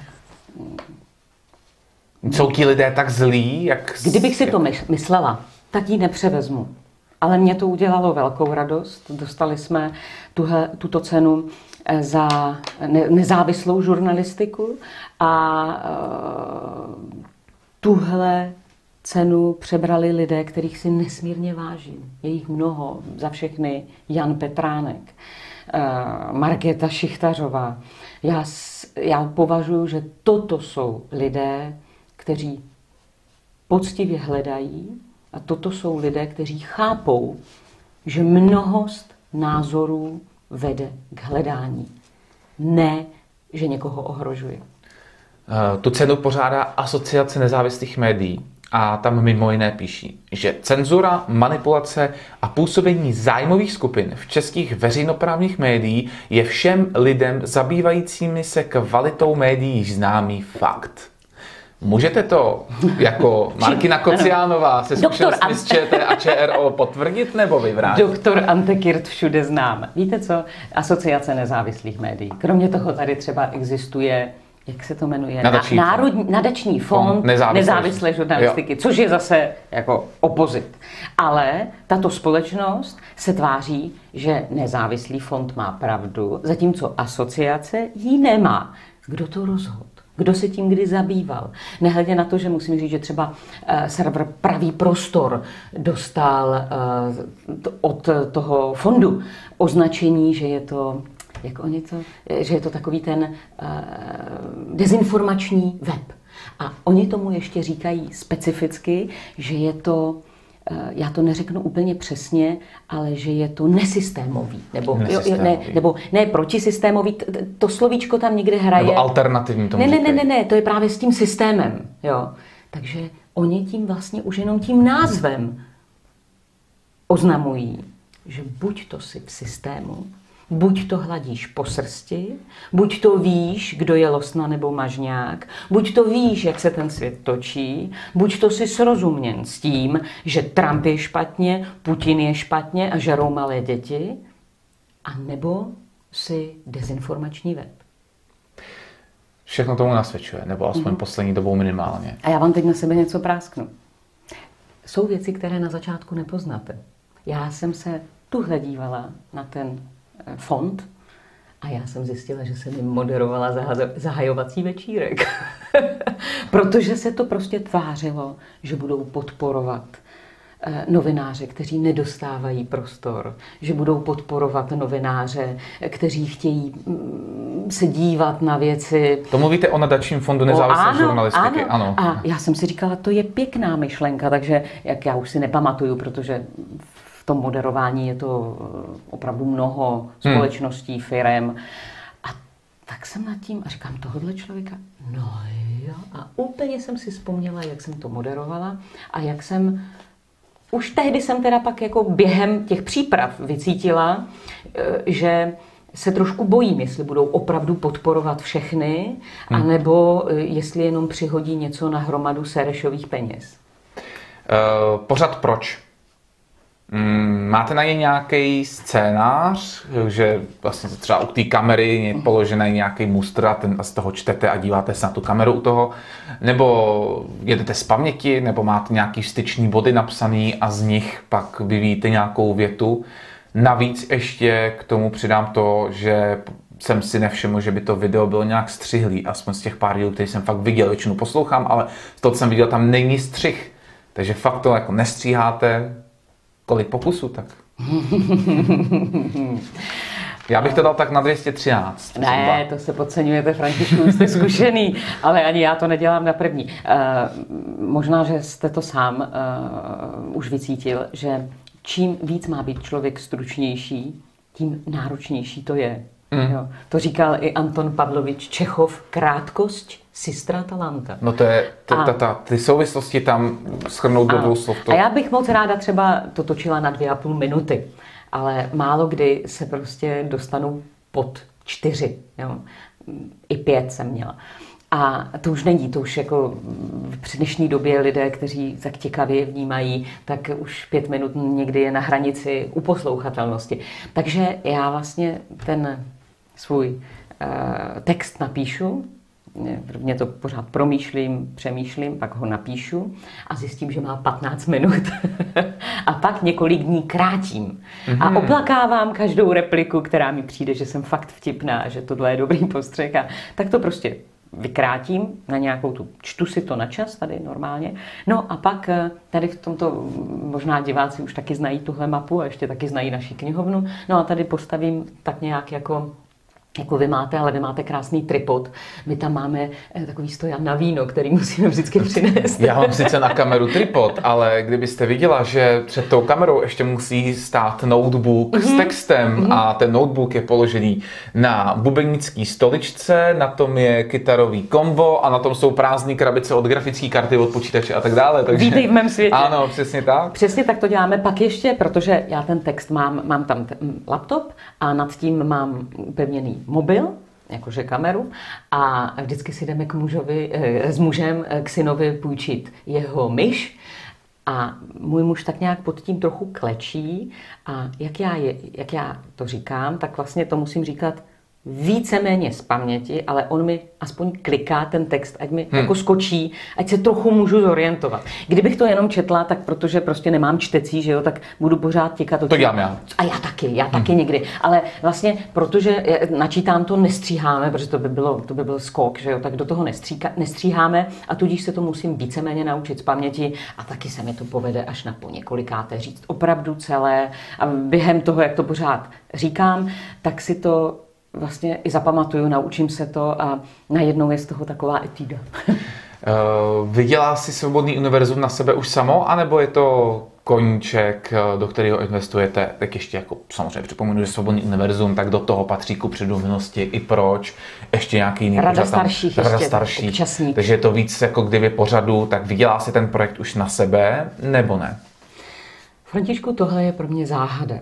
My, když jsme začínali, tak jsme začali s tím, že, eh, na, že jsme jakoby do té naší firmy vzali dva kamarády, kteří nám úplně tím, tím prazákladním prostě jako pomohli a pak kdykoliv už jako jsme měli okousané nechty, tak nám eh, prostě vždycky dotlačili, jak říká v Shakespeareovi, pan peníze, takže nám prostě pomohli.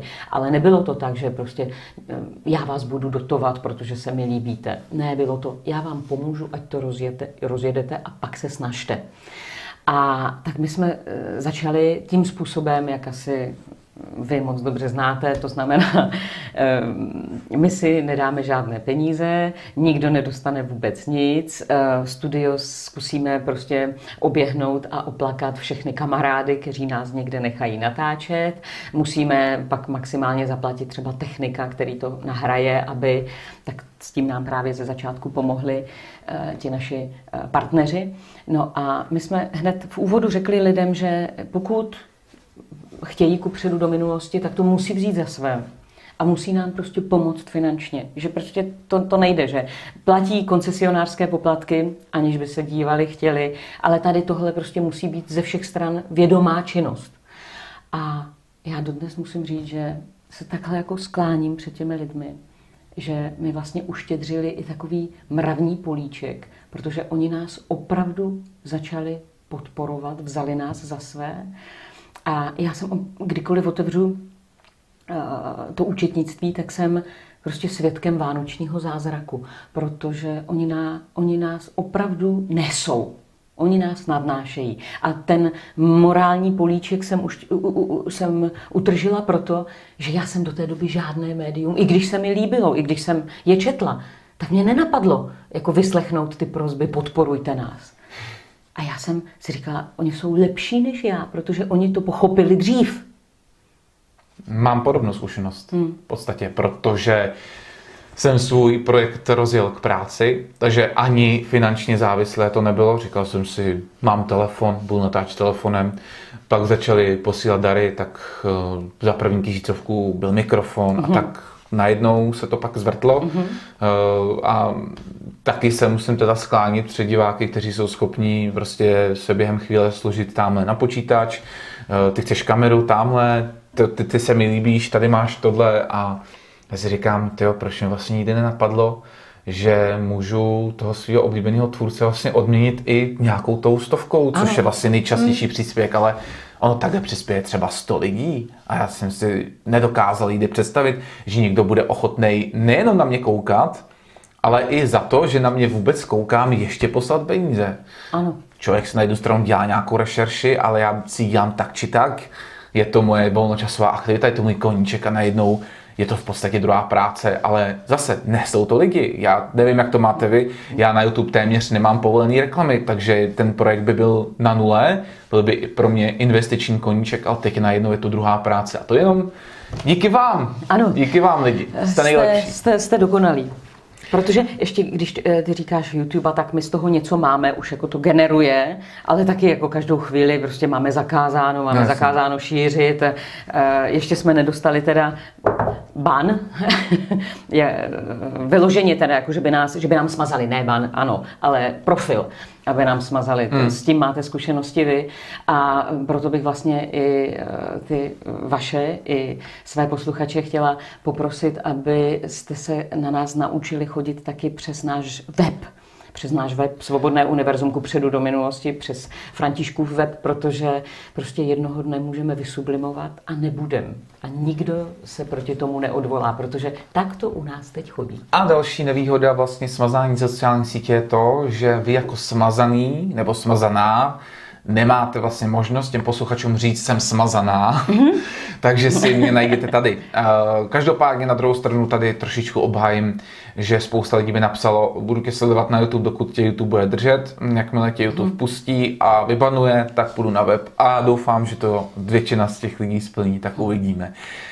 Každopádně, jak máte web ku přírodomilosti, Eh, tak samozřejmě na něm pracujete a tak dále. Zatímco web Markina Kocianová.cz mm-hmm. není úplně aktuální, tak kde si může člověk sehnat informace o tom, třeba až skončí tady ta blbá krize, ta jednou určitě skončí, buďme optimisté, tak eh, kde si najde člověk Markina Kocianová, kde budete konspívat příští týden a takhle. Dá se to ještě někde dohledat, nebo se na tom teprve bude muset pracovat? Teď jste mě odkopal, Františku. Je pravda, že můj web byl naposled uh, upgradeovaný asi někdy, já nevím, 2000 16 nebo 17, 17 ještě, ještě tam je 17. Výborně. Eh, já jsem pořád eh, takové trošku analogové děvče v digitálním věku. Hmm. Nejsem na to některak pyšná a s tím webem je to, hm, je to já vlastně nevím, proč. A co to dát pod to svobodný univerzum? Nějakou, prostě po, po, nějakou položku Markina Kocianová aktuálně? No, by se to tam nevešlo. Nevešlo. No, ta stránka, ten, ten, No ne, protože to je hodně no, naducený, to, máte mm, dost hostů a by se to, to tam by, možná Nešlo pletlo. by to, to by, tam, to, by tam, to by se tam pletlo. Já se budu muset pousilovat sama. A, a pravdou je, že jsem začala dávat většinu jako čerstvých třeba koncertů na Facebook. na Facebook, ale zároveň bych třeba i na tom webu chtěla mít blog, protože my s mým mužem Eh, jsme se rozhodli, že strávíme eh, podzim našeho života na cestě a pořádáme eh, velké poutě, výpravy a je to možná fajn o nich lidem psát, protože jestli budeme zalokovaní dlouho, všichni budeme tady křižovat republiku naši, takže já bych ten web chtěla obnovit, ale já, já nevím, no teď je to, teď je to také tím, že bych potřebovala udělat nové fotky, protože mít tam 20 let staré fotky možná není úplně fair, ale to všechno zase eh, generuje peníze, že jo? Nebo hmm. negeneruje, spíš spotřebovává. Degeneruje. Ano, ano, správně. Tohle negeneruje a eh, teď vlastně po tom roce ničeho eh, to není úplně na pořadu dne, ale je to, je to moje hloupost. Já bych se možná někdy... Ale se, já bych se, tak tvrdá. Ne, ne, ne, já bych se přirovnala možná k té staré anekdotě, která se říkala, jak běhá ten ten Venda s kolečkem po, po dvoře a má ho prázdné úplně to kolečko. A soused mu říká, ty co blbneš, proč tady běháš s tím prázdným kolečkem? A on říká, já mám tolik práce, že ani nestačím nakládat. Takže já jako tak pracuju, až nemám často prodat. Tak snad ten Facebook se bude stačit. Uh, vy jste sama tvůrce, jste zpěvačka, moderátorka, vydáváte rozhovor a tak dále. Ale když přijdete domů, máte chvilku čas, rodina vás zrovna aktuálně nepotřebuje, tak určitě máte tendenci si sama něco pustit. Jaký tvůrci vás zajímají, pokud si něco pouštíte vy?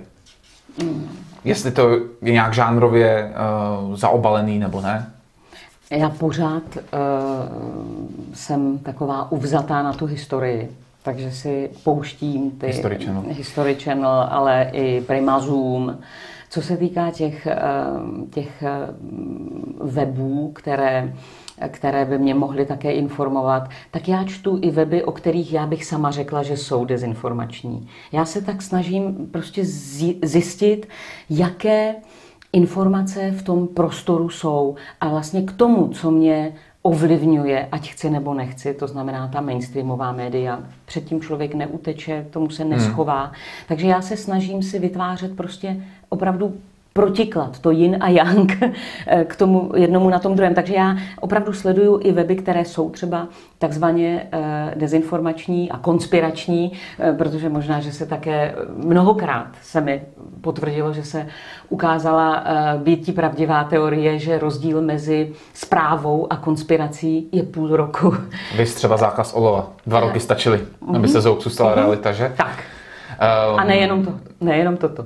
Co mi připomněla, jak, eh, jak jste říkala, že sledujete Prima Zoom a History Channel, tak uh, to vyprávěl uh, Ricky Gervais, to je britský komik, říkal taky, že furt prostě sleduje History Channel a Discovery Channel a říká, zeptejte, mi, zeptejte se mě na cokoliv ohledně žraloku a nácku. jo, jo, jo. jo. tak, může být, může být, ale já prostě sleduju tady, já nevím, nespomenu si úplně na všechny, ale jsou to prostě pravý prostor, eh, neviditelný pes a, a spousta dalších. I hlídací pes.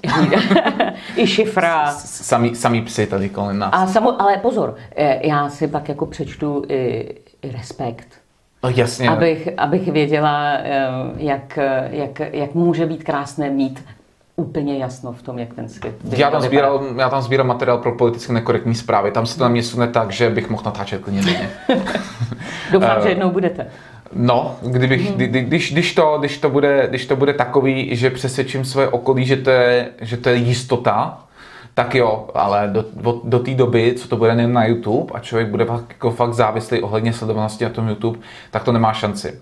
Možná až těch e-mailových odběratelů nebudou 2000, ale 30 tisíc, tak o tom budu uvažovat. Mm, to chápu, protože když máte práci, která je úplně odinut, tak. tak to je pak jako věc, která opravdu přináší peníze, ale ubírá čas. U mě je třeba štěstí v tom moderování, že se uh, pak uh, taky na mě už kvůli kupředu obracejí klienti, kteří třeba chtějí jmeno, eh, moderovat energetickou, no, energetickou konferenci. A to je pro mě prostě materiál za všechny, protože tam já zase už nabírám informace, co se týká takových těch blackoutů a co se týká jasně. energetické soběstačnosti a samostatnosti, protože na tom vlastně ku předu do minulosti vyrostlo. My jsme opravdu měli ze začátku v podtitulu, v podtitulu co naše babičky uměly a my jsme už zapomněli. Ale posléze se to rozšířilo a vlastně možná se i tady tento, tento směr trošičku upozadil, protože uh, ta uh, současnost přinesla prostě témata, která jsme považovali v dané chvíli ještě za důležitější než uh, pečení placek na ohništi, ale ve výsledku pak to pečení placek na ohništi je to, co zachraňuje život. Tak si dáme teda něco z aktuálních věcí, protože se toho děje strašně moc. Tak například, předpokládám, že nemusíte patřit mezi uh, ty lidi, kteří sledují sport, ale zároveň i ti, kteří nesledují sport, těm se určitě nebo zcela velmi pravděpodobně dostali okolnosti hodně dnes legendárního totálního zoufalého výkonu Glasgow Rangers se Sláví Praha Předem teda řeknu, že Slávě sice vyhrála, postoupila, ale že to bylo upozaděno. Máte k tomu nějaký komentář? Víte o tom, že se to děje? Máte pravdu, že po dlouhé době byla tato historka důvodem a tato událost, proč jsem se zase trochu dívala na fotbal. Protože jinak fanoušek nejsem. A e, fanouškem nejsem e, z toho důvodu, že si myslím, že se z tohoto sportu naprosto vytratila čistota a e, že se z něho vytratila, vytratil bojový duch a fair play, což jsme teda mimo jiné mohli opravdu vidět jako v přímém přenosu. A e, vlastně lidi neodrazují ani všechny ty kauzy Ivánku, kamaráde. A uvidíme, jak budou reagovat právě na tady tuto věc. Ale byste se ptal na něco jiného. A já bych asi položila jako úplně základní otvírací otázku. Myslíte si, že bychom se tady o této kauze bavili, kdyby tam nefiguroval Černoch? Kdyby se z toho, že jedna parta hrála ne jako fotbalisté, ale jako na kohoutích zápasech na Filipínách. A když prohrávali, tak se chovali o to hůř, že by se to řešilo a že by se natáčela videa ne rasismu. Já jsem si pustila ty inkriminované smyčky, hmm. Opět jsem přečetla nejrůznější komentáře. A uh, tak jsem se sama pídila. Dokonce jsem si tu jednu smyčku uh, stopovala, protože mě zaujalo to, na co mě upozornil jeden ten, uh, jeden ten glosátor, že jak ten ten náš kolář byl zraněný, že jo, mm-hmm. tomu, tomu a Koudela šeptal. A, a Koudela šeptal. uh, takže uh, ten Koudela uh, tvrdí, že měl říct you are a fucking guy, jako to, že pardon, píp, ale je to uh, materiál doličný a uh, pak uh, ten útočník uh, Glasgow Rangers tvrdil, že mu říkal, že je opice a podobně, ale v té angličtině je to opravdu tak dlouhá věta, že jsem to zkoušela několikrát a nejde to říct v tom čase, v jakém byl ten Koudela u toho útočníka. Prostě to nejde říct, hmm. tu větu. Jo. V tom čase to nejde říct. Takže to je jedna z věcí, která mě jako upozornila, že ty, věc, že ty, že ty události se mohly udát jinak. Pak jsem se tomu zase nevěnovala až tak jako důsledně, ale vím, že tam bylo, že oni nemohli odejít z hřiště do šatny, pak, že se k ním vrátili, měli si to vyříkat a e, tam došlo k tomu napadení. Takže je to celé velmi podivné a e, hlavně, jako by tam nebylo důležité to, že někdo někomu prokopil čelní kost. Při tom fair play zápase který, na které jdou prostě miliardy. To jako by najednou nebylo důležité. Najednou se řešilo, jestli někdo nebyl takový ošklivoučkatý eh, na jiného hráče. Já si prostě umím představit, že v okamžiku, kdy já budu něco dělat se svým kamarádem, kolegou a zjistím, že ho nesou na nosítkách, protože někdo jiný se k němu zachoval naprosto nesportovně, takže možná bych i řekla něco peprnějšího. Já neomlouvám, eh, já nevím, co řekl ale my najednou řešíme úplně jako jinou věc. Tam se přece v prvé řadě mělo řešit to, jak hráli. To bylo to důležité. Ale my, my jsme se tady, a naše média, jak reagovala. A pod tlakem těch médií, ale nejenom našich, to především britská. Tam je vidět, že ten rozklad už postupuje, tam, ten rozklad postupuje velmi rychle. Tak eh, ti naši slávisti natočili to video Vždyť to bylo, vždyť to bylo skutečně jak, jak, taková ta, jak takové ty, ta prohlášení, která se, která se psala za, za bolševika. To ne rasismu. No, samozřejmě ne rasismu. Já také nechci rasismus. Nechci žádný rasismus. Nechci ani ten rasismus, kterému se říká rasismus na ruby, ale není to žádný rasismus na ruby. Každý rasismus, který je namířený proti jakékoliv rase, je rasismus. To znamená, jako my jsme si opět nechali hodit přes hlavu májin závoj a řešíme něco, co nám jako někdo přistrčil pod nos.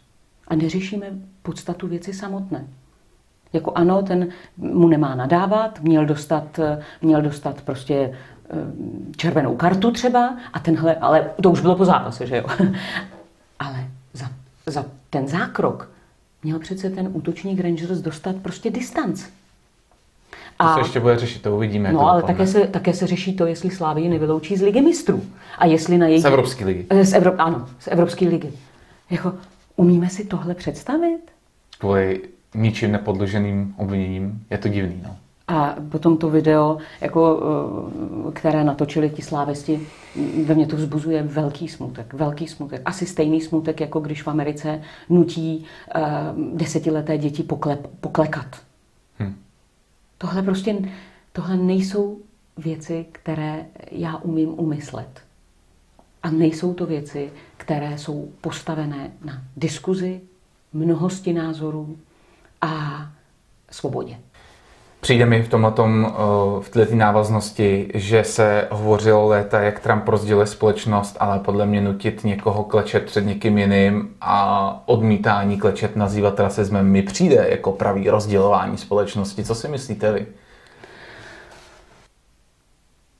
Já jsem si uvědomila, že tyto věci, které se dějí teď, mají tak hlubok, hlubokce prorostlé kořeny, že už nepomůže jenom sekat trávu. Hmm. Myslím to obrazně řečeno v tom, že my prostě teď vidíme eh, nad, eh, nad povrchem země to, co tam prostě klíčí už celá desetiletí. A, a ne, nedokážu odhadnout, co zatím je. Nedokážu odhadnout, kdo zatím je. Ale to, že tady ať už filozofie, frankfurtská škola, ať už eh, v poslední době častokrát eh, zmiňovaný eh, hrabě Kalergy Koudenhove. To jsou myšlenky, které tak hluboce prorostly do určité generace, a pak máme 68. rok v Evropě, ne ten u nás, my jsme tomu byli vystaveni jinak, ale v době, kdy my jsme tady, eh, na, na, naše babičky eh, stály před tanky, tak eh, Joška Fischer v, v květované košili někde pálil, pálil vlajky a nebo vykřikoval no war. Takže tady prostě vznikla generace, která vyrostla na těchto myšlenkách a, a my jsme si toho nevšimli. A vůbec si eh, společnost nevšimla, že mm, tito lidé eh, už uskutečnili ten často zmiňovaný eh, pochod, vítězný pochod institucemi. Velice pěkně o tom vlastně píše N. Rendová ve své, tuším, prvotině Zdroj. To, kdo si přečte, je to mnohem tenčí kniha, než její pozdější Atlasova vzpoura, která je také dokonalá, tak eh, tam je prostě krásně popsáno, jak se tito lidé dostali eh, na, do, do špiček eh, funkcí, které ovlivňují další generace. To znamená především univerzity, kulturní instituce. A posléze samozřejmě tito lidé vychovali studenty a oni se rozešli, nic zlého netuše, ale to je jak virus. Tyto, zatímco my jsme, zatímco my jsme uh, vlastně eh, na tom trochu jinak. A proto máme vlastně pocit, tady když se podíváme na tu mapu, že tam, tam je pořád ještě v tom centru té Evropy dobře. Protože my jsme opravdu těma 40 lety komunistického režimu očkovaní. Jinde probíhaly, uh, jinde probíhal, probíhal, uh, probíhalo hippies. Jako, a my jsme ve světě vládlo hippies a u nás jsme bojovali proti eh, komunismu, nebo jsme s ním pekli, nebo jsme s ním kolaborovali, ale učili jsme se rozeznávat. My jsme museli považovat v té době, jestli je pravda to, co je v rudém právu, nebo jestli je pravda to, co je v samizdatu, jestli je pravda to, co říkají hmm. v televizi, nebo jestli je pravda to, co jsme zachytili ve svobodné Evropě a v hlasu Ameriky. A tak se to šířilo mezi lidmi. A jestli tyhle knihy, tyhle knihy, a nebo jestli uh, tehdejší mainstream. A tady uh, v tomto vzniklo, že vlastně dneska, když se nad tím zamyslíte, tak se skutečně V4 chová jinak než zbytek Evropy a západu. A možná tam je i pozůstatek ve východním versus západním Německu, kde ano, si tomu ano. východnímu se vyčítá ta zpátečnickost. Ano. Eh, vy jste tady měli ty komunisty ano. a tak víte, víc volíte třeba AFD mm-hmm, a tak mhm, dále. Mm-hmm. Napří, tak zkusíme... A, nějakou... Ale vy jste se vlastně ptal na toho Trumpa. Tak, na toho Trumpa. Jest, o, o, o něm víme, eh, pokud si fakt jako ty informace ověříme, že mu fandí Eh, prakticky nejvíc černochů za poslední léta mm-hmm. ohledně republikánů. Víme, Jsou nejméně měl, nezaměstnaní. Tak a tak dále. Takže v tom rasismu to nebude, ale skutečně rozdělování možná, eh, jako kdyby přicházelo teď, například ta absolutní aktualita, která je pár dní stará, kroutím nad ní hlavou, eh, že jakási neziskovka v Oaklandu se dohodla s vedením Oaklandu, že skrze peníze z neziskovky, takže to fakt nejde ze státních peněz, mm-hmm. sice, ale i tak to je šílený, bude nabízet 500 dolarů měsíčně chudým po dobu roku a půl. Podmínka pro získání ale nejenom chudoba, ale i příslušnost k menšině. Mm-hmm. Tak teď, teď, pokud to je to pro vás nová informace, co je, je. úplně první myšlenka, co vás napadne? Jestli třeba, schválně se třeba v tom na tom shodneme. Že nejvíce ohrožený je skutečně v této době bílý heterosexuální muž. A když se ten člověk který nemá tady ten názor, vysmívá těm bílým heterošům, který si hrajou na oběti a říká, v minulosti jste ale vy byli ti zlí a takovýhle, tak i kdybychom zůstali v té myšlence, že, by, že, že by bílí byli jenom zlo, což samozřejmě taky není úplně pravda, tak je takováhle, řekněme, fakt i diskriminace ten pravý prostředek, jak bojovat proti předchozí diskriminaci, která byla třeba proti předchozí diskriminaci. Není to ten Není to to pověstný vraci, vracení se v historii. Není to možná další ten krok nenápadný, který jsme naznačovali v úvodu toho rozhovoru, když jsme se bavili o nástupu nacismu a souvislosti s touhle dobou? Františku, eh, my určitě oba dva známe eh, ne odpověď, ale známe to, jak o tom přemýšlíme. Ale mě zajímá jiná věc. Kde má tohle kořeny? Tohle, kde má kořeny, nevím. Já nevím, proč s tím, uh, proč, proč to směřují teď, protože Nes. když se podíváme na uh, nejrůznější vyjádření uh, vzdělaných amerických afroameričanů na nejrůznějších vysokých funkcích, tak to nejsou aktivisté. Naopak, to jsou lidé, kteří prostě říkají uh, svým svým spoluobčanům, prosím vás, jako nechte toho, ne, neplatí jenom Black Lives Matter. Jo. Ale já si myslím, že zatím paradoxně vůbec nestojí um, ta uh, afroamerická síla. Možný to je? Já že, jsem, já že jako kdyby, jako kdyby jako, jako, jako kdybychom to opravdu jako Běloši dělali sami proti sobě. Jako kdyby, jo, když, když se podíváte, kdo je v těch neziskovkách. Moc Já nerozumím tomu. Já tomu nerozumím, ale eh, v každém případě eh, to může znamenat začátek rozpojených států amerických, může to znamenat začátek občanské války. A ještě k tomu, o čem my se tady bavíme, nikdo nemluví o tom, že tady ne, se nedělá historická nespravedlnost. Stejně jako se dělá nespravedlnost, když přijížděli konkvistadoři, stejně jako se dělá nespravedlnost, když se přepravovali otroci, ale jak říkám, eh, my jsme otroctví nevynalezli. To není běložský vynález, ani evropský. A my jsme ho zrušili. A nikdy v životě v historii nebyly lidská práva na tak vysoké úrovni, jako jsou teď. Ale mě vždycky zajímají úkazy, kterých si třeba mnozí nevšimnou a nebudeme si vůbec říkat eh, něco o tom, že existovali a existují skuteční rasisté, magoři, hmm. Ku Klux Klan, eh, některé jevy jsme mohli vidět i v Jižní Africe, ale i s tou Jižní Afrikou je to vlastně trošku jinak, když se tomu člověk začne věnovat. To je pravda. Protože my jsme si, jako, my máme úplně jednoduchý spoj už ze základní školy Afrika apartheid špatně.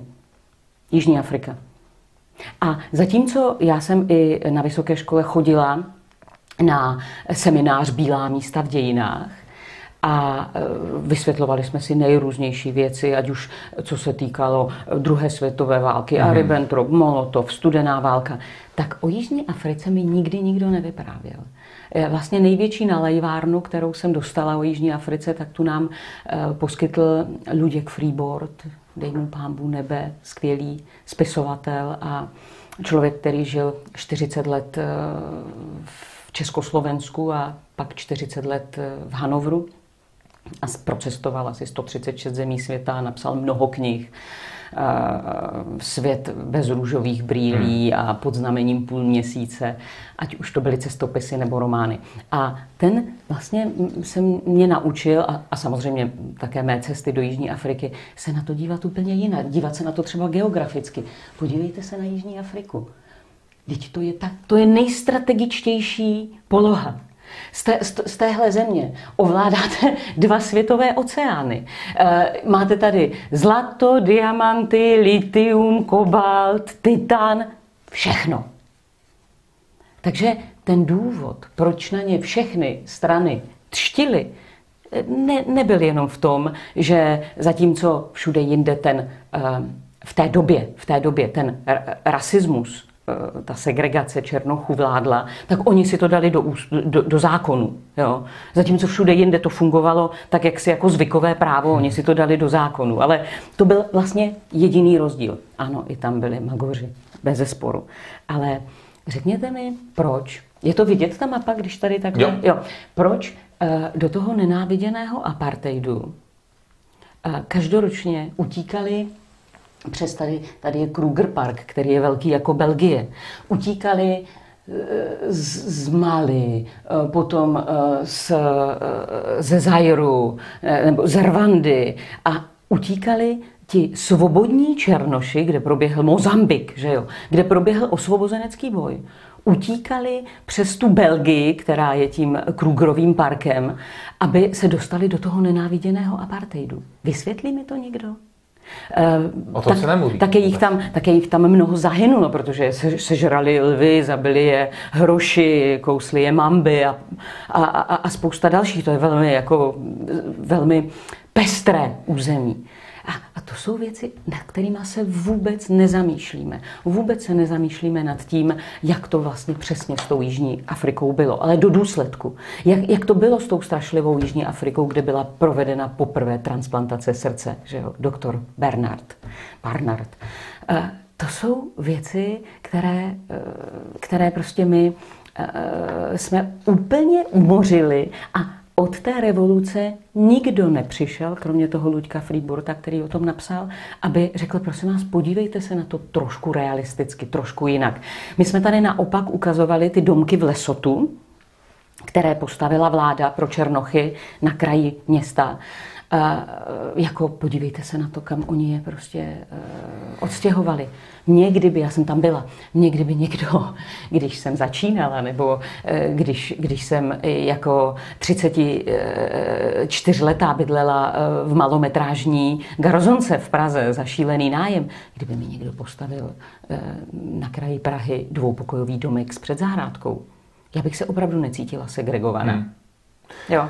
Takže my jsme si prostě už tehdy nechali uh, natlouct klíny do hlavy a ani o tom ještě nevíme. Narazila jste na uh, KKK, na Ku Klux Klan a uh, nedávno poměrně, když jsem, se, když jsem o tom mluvil, tak nějaký posluchač mi řekl, no jste to je pro demokratu, říkám, to meleš. A tak jsem si našel vznik Ku Klux Klan a skutečně Eh, opozitéři tehdy, někteří, takže to není vyloženě z demokratické strany, ale někteří takzvaní ostrčení extremisté z demokratické strany tehdy vytvořili skupinu, která měla zastaršovat černožské členy republikánských frakcí. Mm-hmm. Takže v podstatě Opravdu? ano. Tak to mi říkáte, to mi dokonce, říkáte věc, kterou jsem nevěděl. Dokonce jsem četl fact-checking, mm-hmm. to znamená opravdu věc, která nemá s fact-checkingem nic společného, ale je velmi ideologická. A tam skutečně říkají, eh, přestože, přestože není vůbec prokázáno, že demokratická strana vyloženě vynalezla KKK, mm-hmm. ale některé frakce měly mm-hmm. významný podíl na jejím založení. Takže demokratické frakce vymyslely KKK, nyní další demokratické frakce nenápadně vymyslely BLM, tak mi přijde, že ten vítr fouká zleva pořád. No, já jsem teď zrovna dočetla Bena Shapira, ano. jak zachránit Evropu a musím říct, že když už jsem uh, hned v úvodu zjistila, že v roce 2015-2016 když jel přednášet uh, konzervativním studentům do Kalifornie a ještě hůř později do Berkeley, tak v Berkeley museli zavolat, musel rektor zavolat několik set policistů. Tam vypálil tu univerzitu. A proto, aby chránili lidi, kteří na tu přednášku přišli.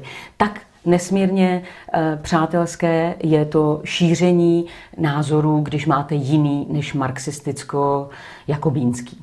Ale teď vlastně i, i, i teď se strašně řeší, že ultrapravice má blízko k nacismu. A přitom, když si vlastně přečtu například volební program NSDAP, což opravdu ten volební program eh, v podstatě plnili, jo, krom toho, že nesnášeli židy, plnili svůj volební program, který představoval posílení dělnické třídy. Jo, pozor, on to má v názvu. Závodní Dělnická. A je to, ano, Dělnická. A je to socialistický, je to nacionální socialismus, takže opět zleva mi to přijde. To je velké PR vítězství, že, že se podařilo vytvořit obecné jakoby povědomí, že, uh, se, uh, že se dělnická strana v Německu rekrutovala z pravičáků. To je, je, to, je to asi to je nejúspěšnější a nejlépe se šířící celosvětový hoax posledních desítek let mi přijde. Eh, z Ameriky my máte spoustu hostů, kteří mluví o Americe, kteří tam byli, jsou, eh, nebo mají hodně přátel v Americe. Eh, je pravda, podle těch vašich hostů, že s nástupem demokratů k moci, to znamená, teď mají obě dvě komory i prezidenta, se utahují šrouby svobody slova? Ano nebo ne? Je to spíš pravda nebo ne? A teď jsem nepo, eh, nepostřehla ten začátek. Se, jestli se utahují ty, eh, ty šrouby svobody slova po nástupu demokratů do moci všeobecné na přelomu minulého a letošního roku? Já si myslím, že odpověď je především v samotném průběhu voleb. opět se u nás uh, ujal uh, docela úspěšný hoax, že uh, soud neschledal na uh, nařčeních prezidenta Trumpa uh, z neprůhlednosti a neférovosti voleb, že neschledal, že by na tom bylo cokoliv pravdy. To není pravda. Soud se těmito podněty k šetření, vyšetřování odmítl zabývat. A to je základ, ano. To, co se dělo v Minnesotě, to, co vypovídali desítky a stovky lidí, to, co se mimochodem eh, dokázalo, že ten algoritmus, který tam byl eh, v jednom případě, neskoumali se všechny ty další, kde byl ten algoritmus použit, ten program, že načetl opravdu, já nevím, v té chvíli pět tisíc hlasů Bidenovi, tak eh, to, to je fakt, to, jako bylo, to uznali všichni, že to se stalo, pochybení.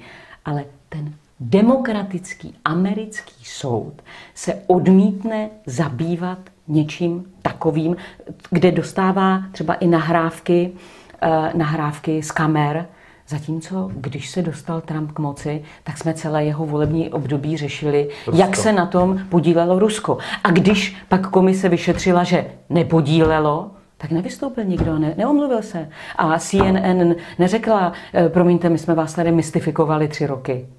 Že to trvalo asi, já nevím, dva, tři roky. CNN mi přijde, nebo spíš ta některá média, a je to asi všeobecný trend. A je to podle mě trend ve všech spektrech. Mají velice slabou tendenci přiznat chybu. Mají velice malou sebereflexi. A může se to týkat i CNN, týká se to mnohdy i české televize u nás. Takže... Ale jak můžete přiznat chybu, když jste přesvědčen, že máte tak, pravdu? Přesně. A to, že se nevyšetřilo, že se na tom nepodílelo Rusko, není důkaz, že to se na tom nepodílelo Rusko, jenom že to špatně vyšetřili. A máte pořád pravdu. A je to dobrý, ne? A stejně tak eh, poslední dobou pozoruju vysílání eh, jednoho reportéra pro jednu stanici Českého rozhlasu z Ameriky a ten dokázal eh, říct, že Trumpova obvinění jsou všechno lži, přestože soud se tím vůbec nezabýval, mm. ale říká, že to jsou lži a konspirační teorie. A uvádí to jako naprostý fakt a spíš mi že prostě říká svůj názor na věc. Ale nikdo, čem je to prostě jedno, přestože se jedná o veřejnoprávní český rozhlas. A vy jste ještě se ptal, eh, jak to tedy pokračuje. Utahování eh, šroubů. Vždyť to vidíme. Eh, můžeme číst desítky a desítky zpráv, které jsou ověřené o vyhazování z práce, o, o nemožnosti vůbec jako svobodně diskutovat. Hmm. Do toho je to samozřejmě namixované ještě s tím, s tím bojem proti bělochům. Takže můžeme vidět případy, kdy jedna redaktorka napadne Eni Lebovic, prostě nejslavnější fotografku na světě, když eh, nafotila tu olympioničku, gymnastku, tak jí prostě znectili, že neumí nafotit černošku. Překlad, překlad básně. Básně. Nemůže hmm. přece překládat černošské, eh, černošské umělce eh, Běložka. Tohle je, tohle je prostě, já vždycky si na to vzpomenu, když vidím na YouTube zpívat třeba Leontin Price, skvělá černožská zpěvačka, úžasná sopranistka, když zpívá Butterfly. A přišlo to někomu někdy divné? Když hmm. zpívá Leontin Price s tím afrem Rusalku, přišlo to někomu někdy divné? No kdyby jo, tak skončí asi s kariérou. No, ale nikdy to nikomu divné nepřišlo. Naopak, všichni ji obdivovali a její nahrávky se dávají jako top. Jo, já netvrdím, já netvrdím, že se nedějí nespravedlnosti, netvrdím, že to není, není e, jako snadné. Ono je to samo o sobě těžké. Já jsem to zažila, když se vrátím velkým obloukem do toho Japonska, kdy jste najednou opravdu velká menšina. V Tokiu ani ne, ale my jsme jezdili hmm. po celém Japonsku a teď prostě přijdete e, někde, kde jste prostě jediný, kdo nemá ten azijský vzhled a to samo o sobě působí divně a navíc všechny e, přerůstáte o hlavu, protože trčíte, že vysíte jako nad všemi. Jo. Nebo ne vysíte, ale činíte. Takže já chápu, to, to samo o sobě je, e, je věc, která je náročná. Ale to, co se děje teď, je, je hluboká nesvoboda a bude to mít bohužel velmi zásadní dopady, pokud se nevzpamatujeme, pokud, eh, pokud se prostě západní svět nevzpamatuje a nevrátí se k, ke starým mravním a morálním hodnotám. A teď jsem tady jak kazatel, ale marná sláva, jestli nenavážeme na antické filozofie a na křesťansko-židovskou filozofii, na, na jejich základech jsme vystavěni. A tak, tak se obávám, že, že, že, že dopadneme jako ten dům, který je bez základu. Vy jste to teď zakončila takhle tou krásnou filozofií, tak zkusíme ještě na závěr zkusit přemýšlet nad tím, co by každý jednotlivý z nás mohl dělat proto, abychom se k tomuto učinili, aby k tomu návratu došlo. Já si myslím, že mm, nechci, ne, řeknu to jinak, nechci vystupovat jako kazatel. Ani já nevím, kde ta pravda je. Uvědomuji si tu obrovskou úlevu, když podlehnete určité ideologii. To musí být nádhera. Protože, ale opravdu, protože to je stejné jako, eh, eh, jako každý fanatismus. Jo? Protože vy najednou víte, jak ty věci jsou. Vy je nepotřebujete podrobovat kritickému myšlení. Vy s nima nepotřebujete jako považovat pořád, říkat tohle, tohle, co je teď správné. Je to hotový. je, to, je to jasné. A dá se to narazit na úplně všechno. Dá se to narazit na kulturu, tohle je, tohle je prostě uh, umění, které odporuje, odporuje socialistické morálce. Dá se to narazit na politiku, dá se to narazit na hospodářství, na všechno. Zatímco když to nevíte, když tu ideologii nemáte a když se snažíte myslet a když se snažíte eh, pořád definovat a i pro sebe, eh, co to je morálka, co je to mravnost, co jsou to prostě ideje, tak je to hrozně pracné, protože to, co včera bylo zločin, se tak dneska nemusí úplně jevit, jestli mi rozumíte. Jo? To, co včera bylo špatné, mohlo přinést něco dobrého. A je, takže ty věci se proměňují a vy je musíte neustále znovu a znovu vyhodnocovat a posuzovat. To je, jak bych řekla, jedna důležitá věc. Nepodlehnout tomu, jednoduchému. Je to jako když se ve starých řeckých bájích a pověstech eh, rozhoduje Herakles mezi dvěmi cestami a přichází k němu rozkoš a přichází k němu Palas Aténa, že jo, nebo, a, a tam mu, e, přichází k němu Afrodité a, a Palas Aténa a a Afrodité mu nabízí, když prostě se vydáš mou cestou, tak prožiješ krásný život, plný lásky, půvabných žen, plný dobrého jídla a plný mm, prostě na, plný radosti. A Palas Athena mu říká, když se vydáš za mnou, prožiješ těžký život. Budeš bojovat, eh, budeš mnohokrát zraněn, budeš, vykonáš spoustu hrdinských skutků, mnoho jich málem nevykonáš a nakonec po tomto těžkém, úmorném životě staneš na Olympu z bohy. A tohle je v podstatě každodenní rozhodování, které eh, musí každý jeden z nás udělat. Každodenní rozhodování, kterou cestou se vydá. Tak to si myslím, že je absolutně perfektní uzavření. Jo.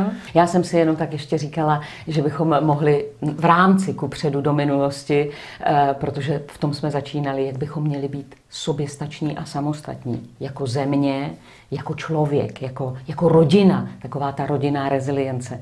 A vlastně, když jsem tak jako viděla tu loď zaparkovanou v Suezském průplavu, eh, která která eh, zablokovala eh, celosvětový obchod, kvůli níž pravděpodobně bude muset zpomalit nebo zastavit výrobu Škodovka. Možná nedostaneme některé léky, protože jsou na té lodi. Určitě nedostaneme věci z Alzy, protože ty jsou tam v mnoha kontejnerech. Nedostaneme ropu a nedostaneme mnoho komponentů ke spoustě věcí tak eh, jsem si říkala, že možná se zase vrátíme i v tom kupředu do minulosti, do minulosti, abychom si připomněli to, jak důležité je, abychom převzali zodpovědnost za své vlastní životy. A ta zodpovědnost a svoboda tkví mimo jiné i v soběstačnosti a samostatnosti. Což je věc, kterou vlastně na našem kontentu tak trochu postrádáme. Ano, a přitom mm, na to máme. Takže Martino Kocianová, vám děkuji za tohleto doplnění a uzavření. Určitě eh, se hodí na úplný závěr říct něco naprosto aktuálního. Eh, kvůli jedné lodi se zasekne 12% celosvětového obchodu je naprosto neuvěřitelný.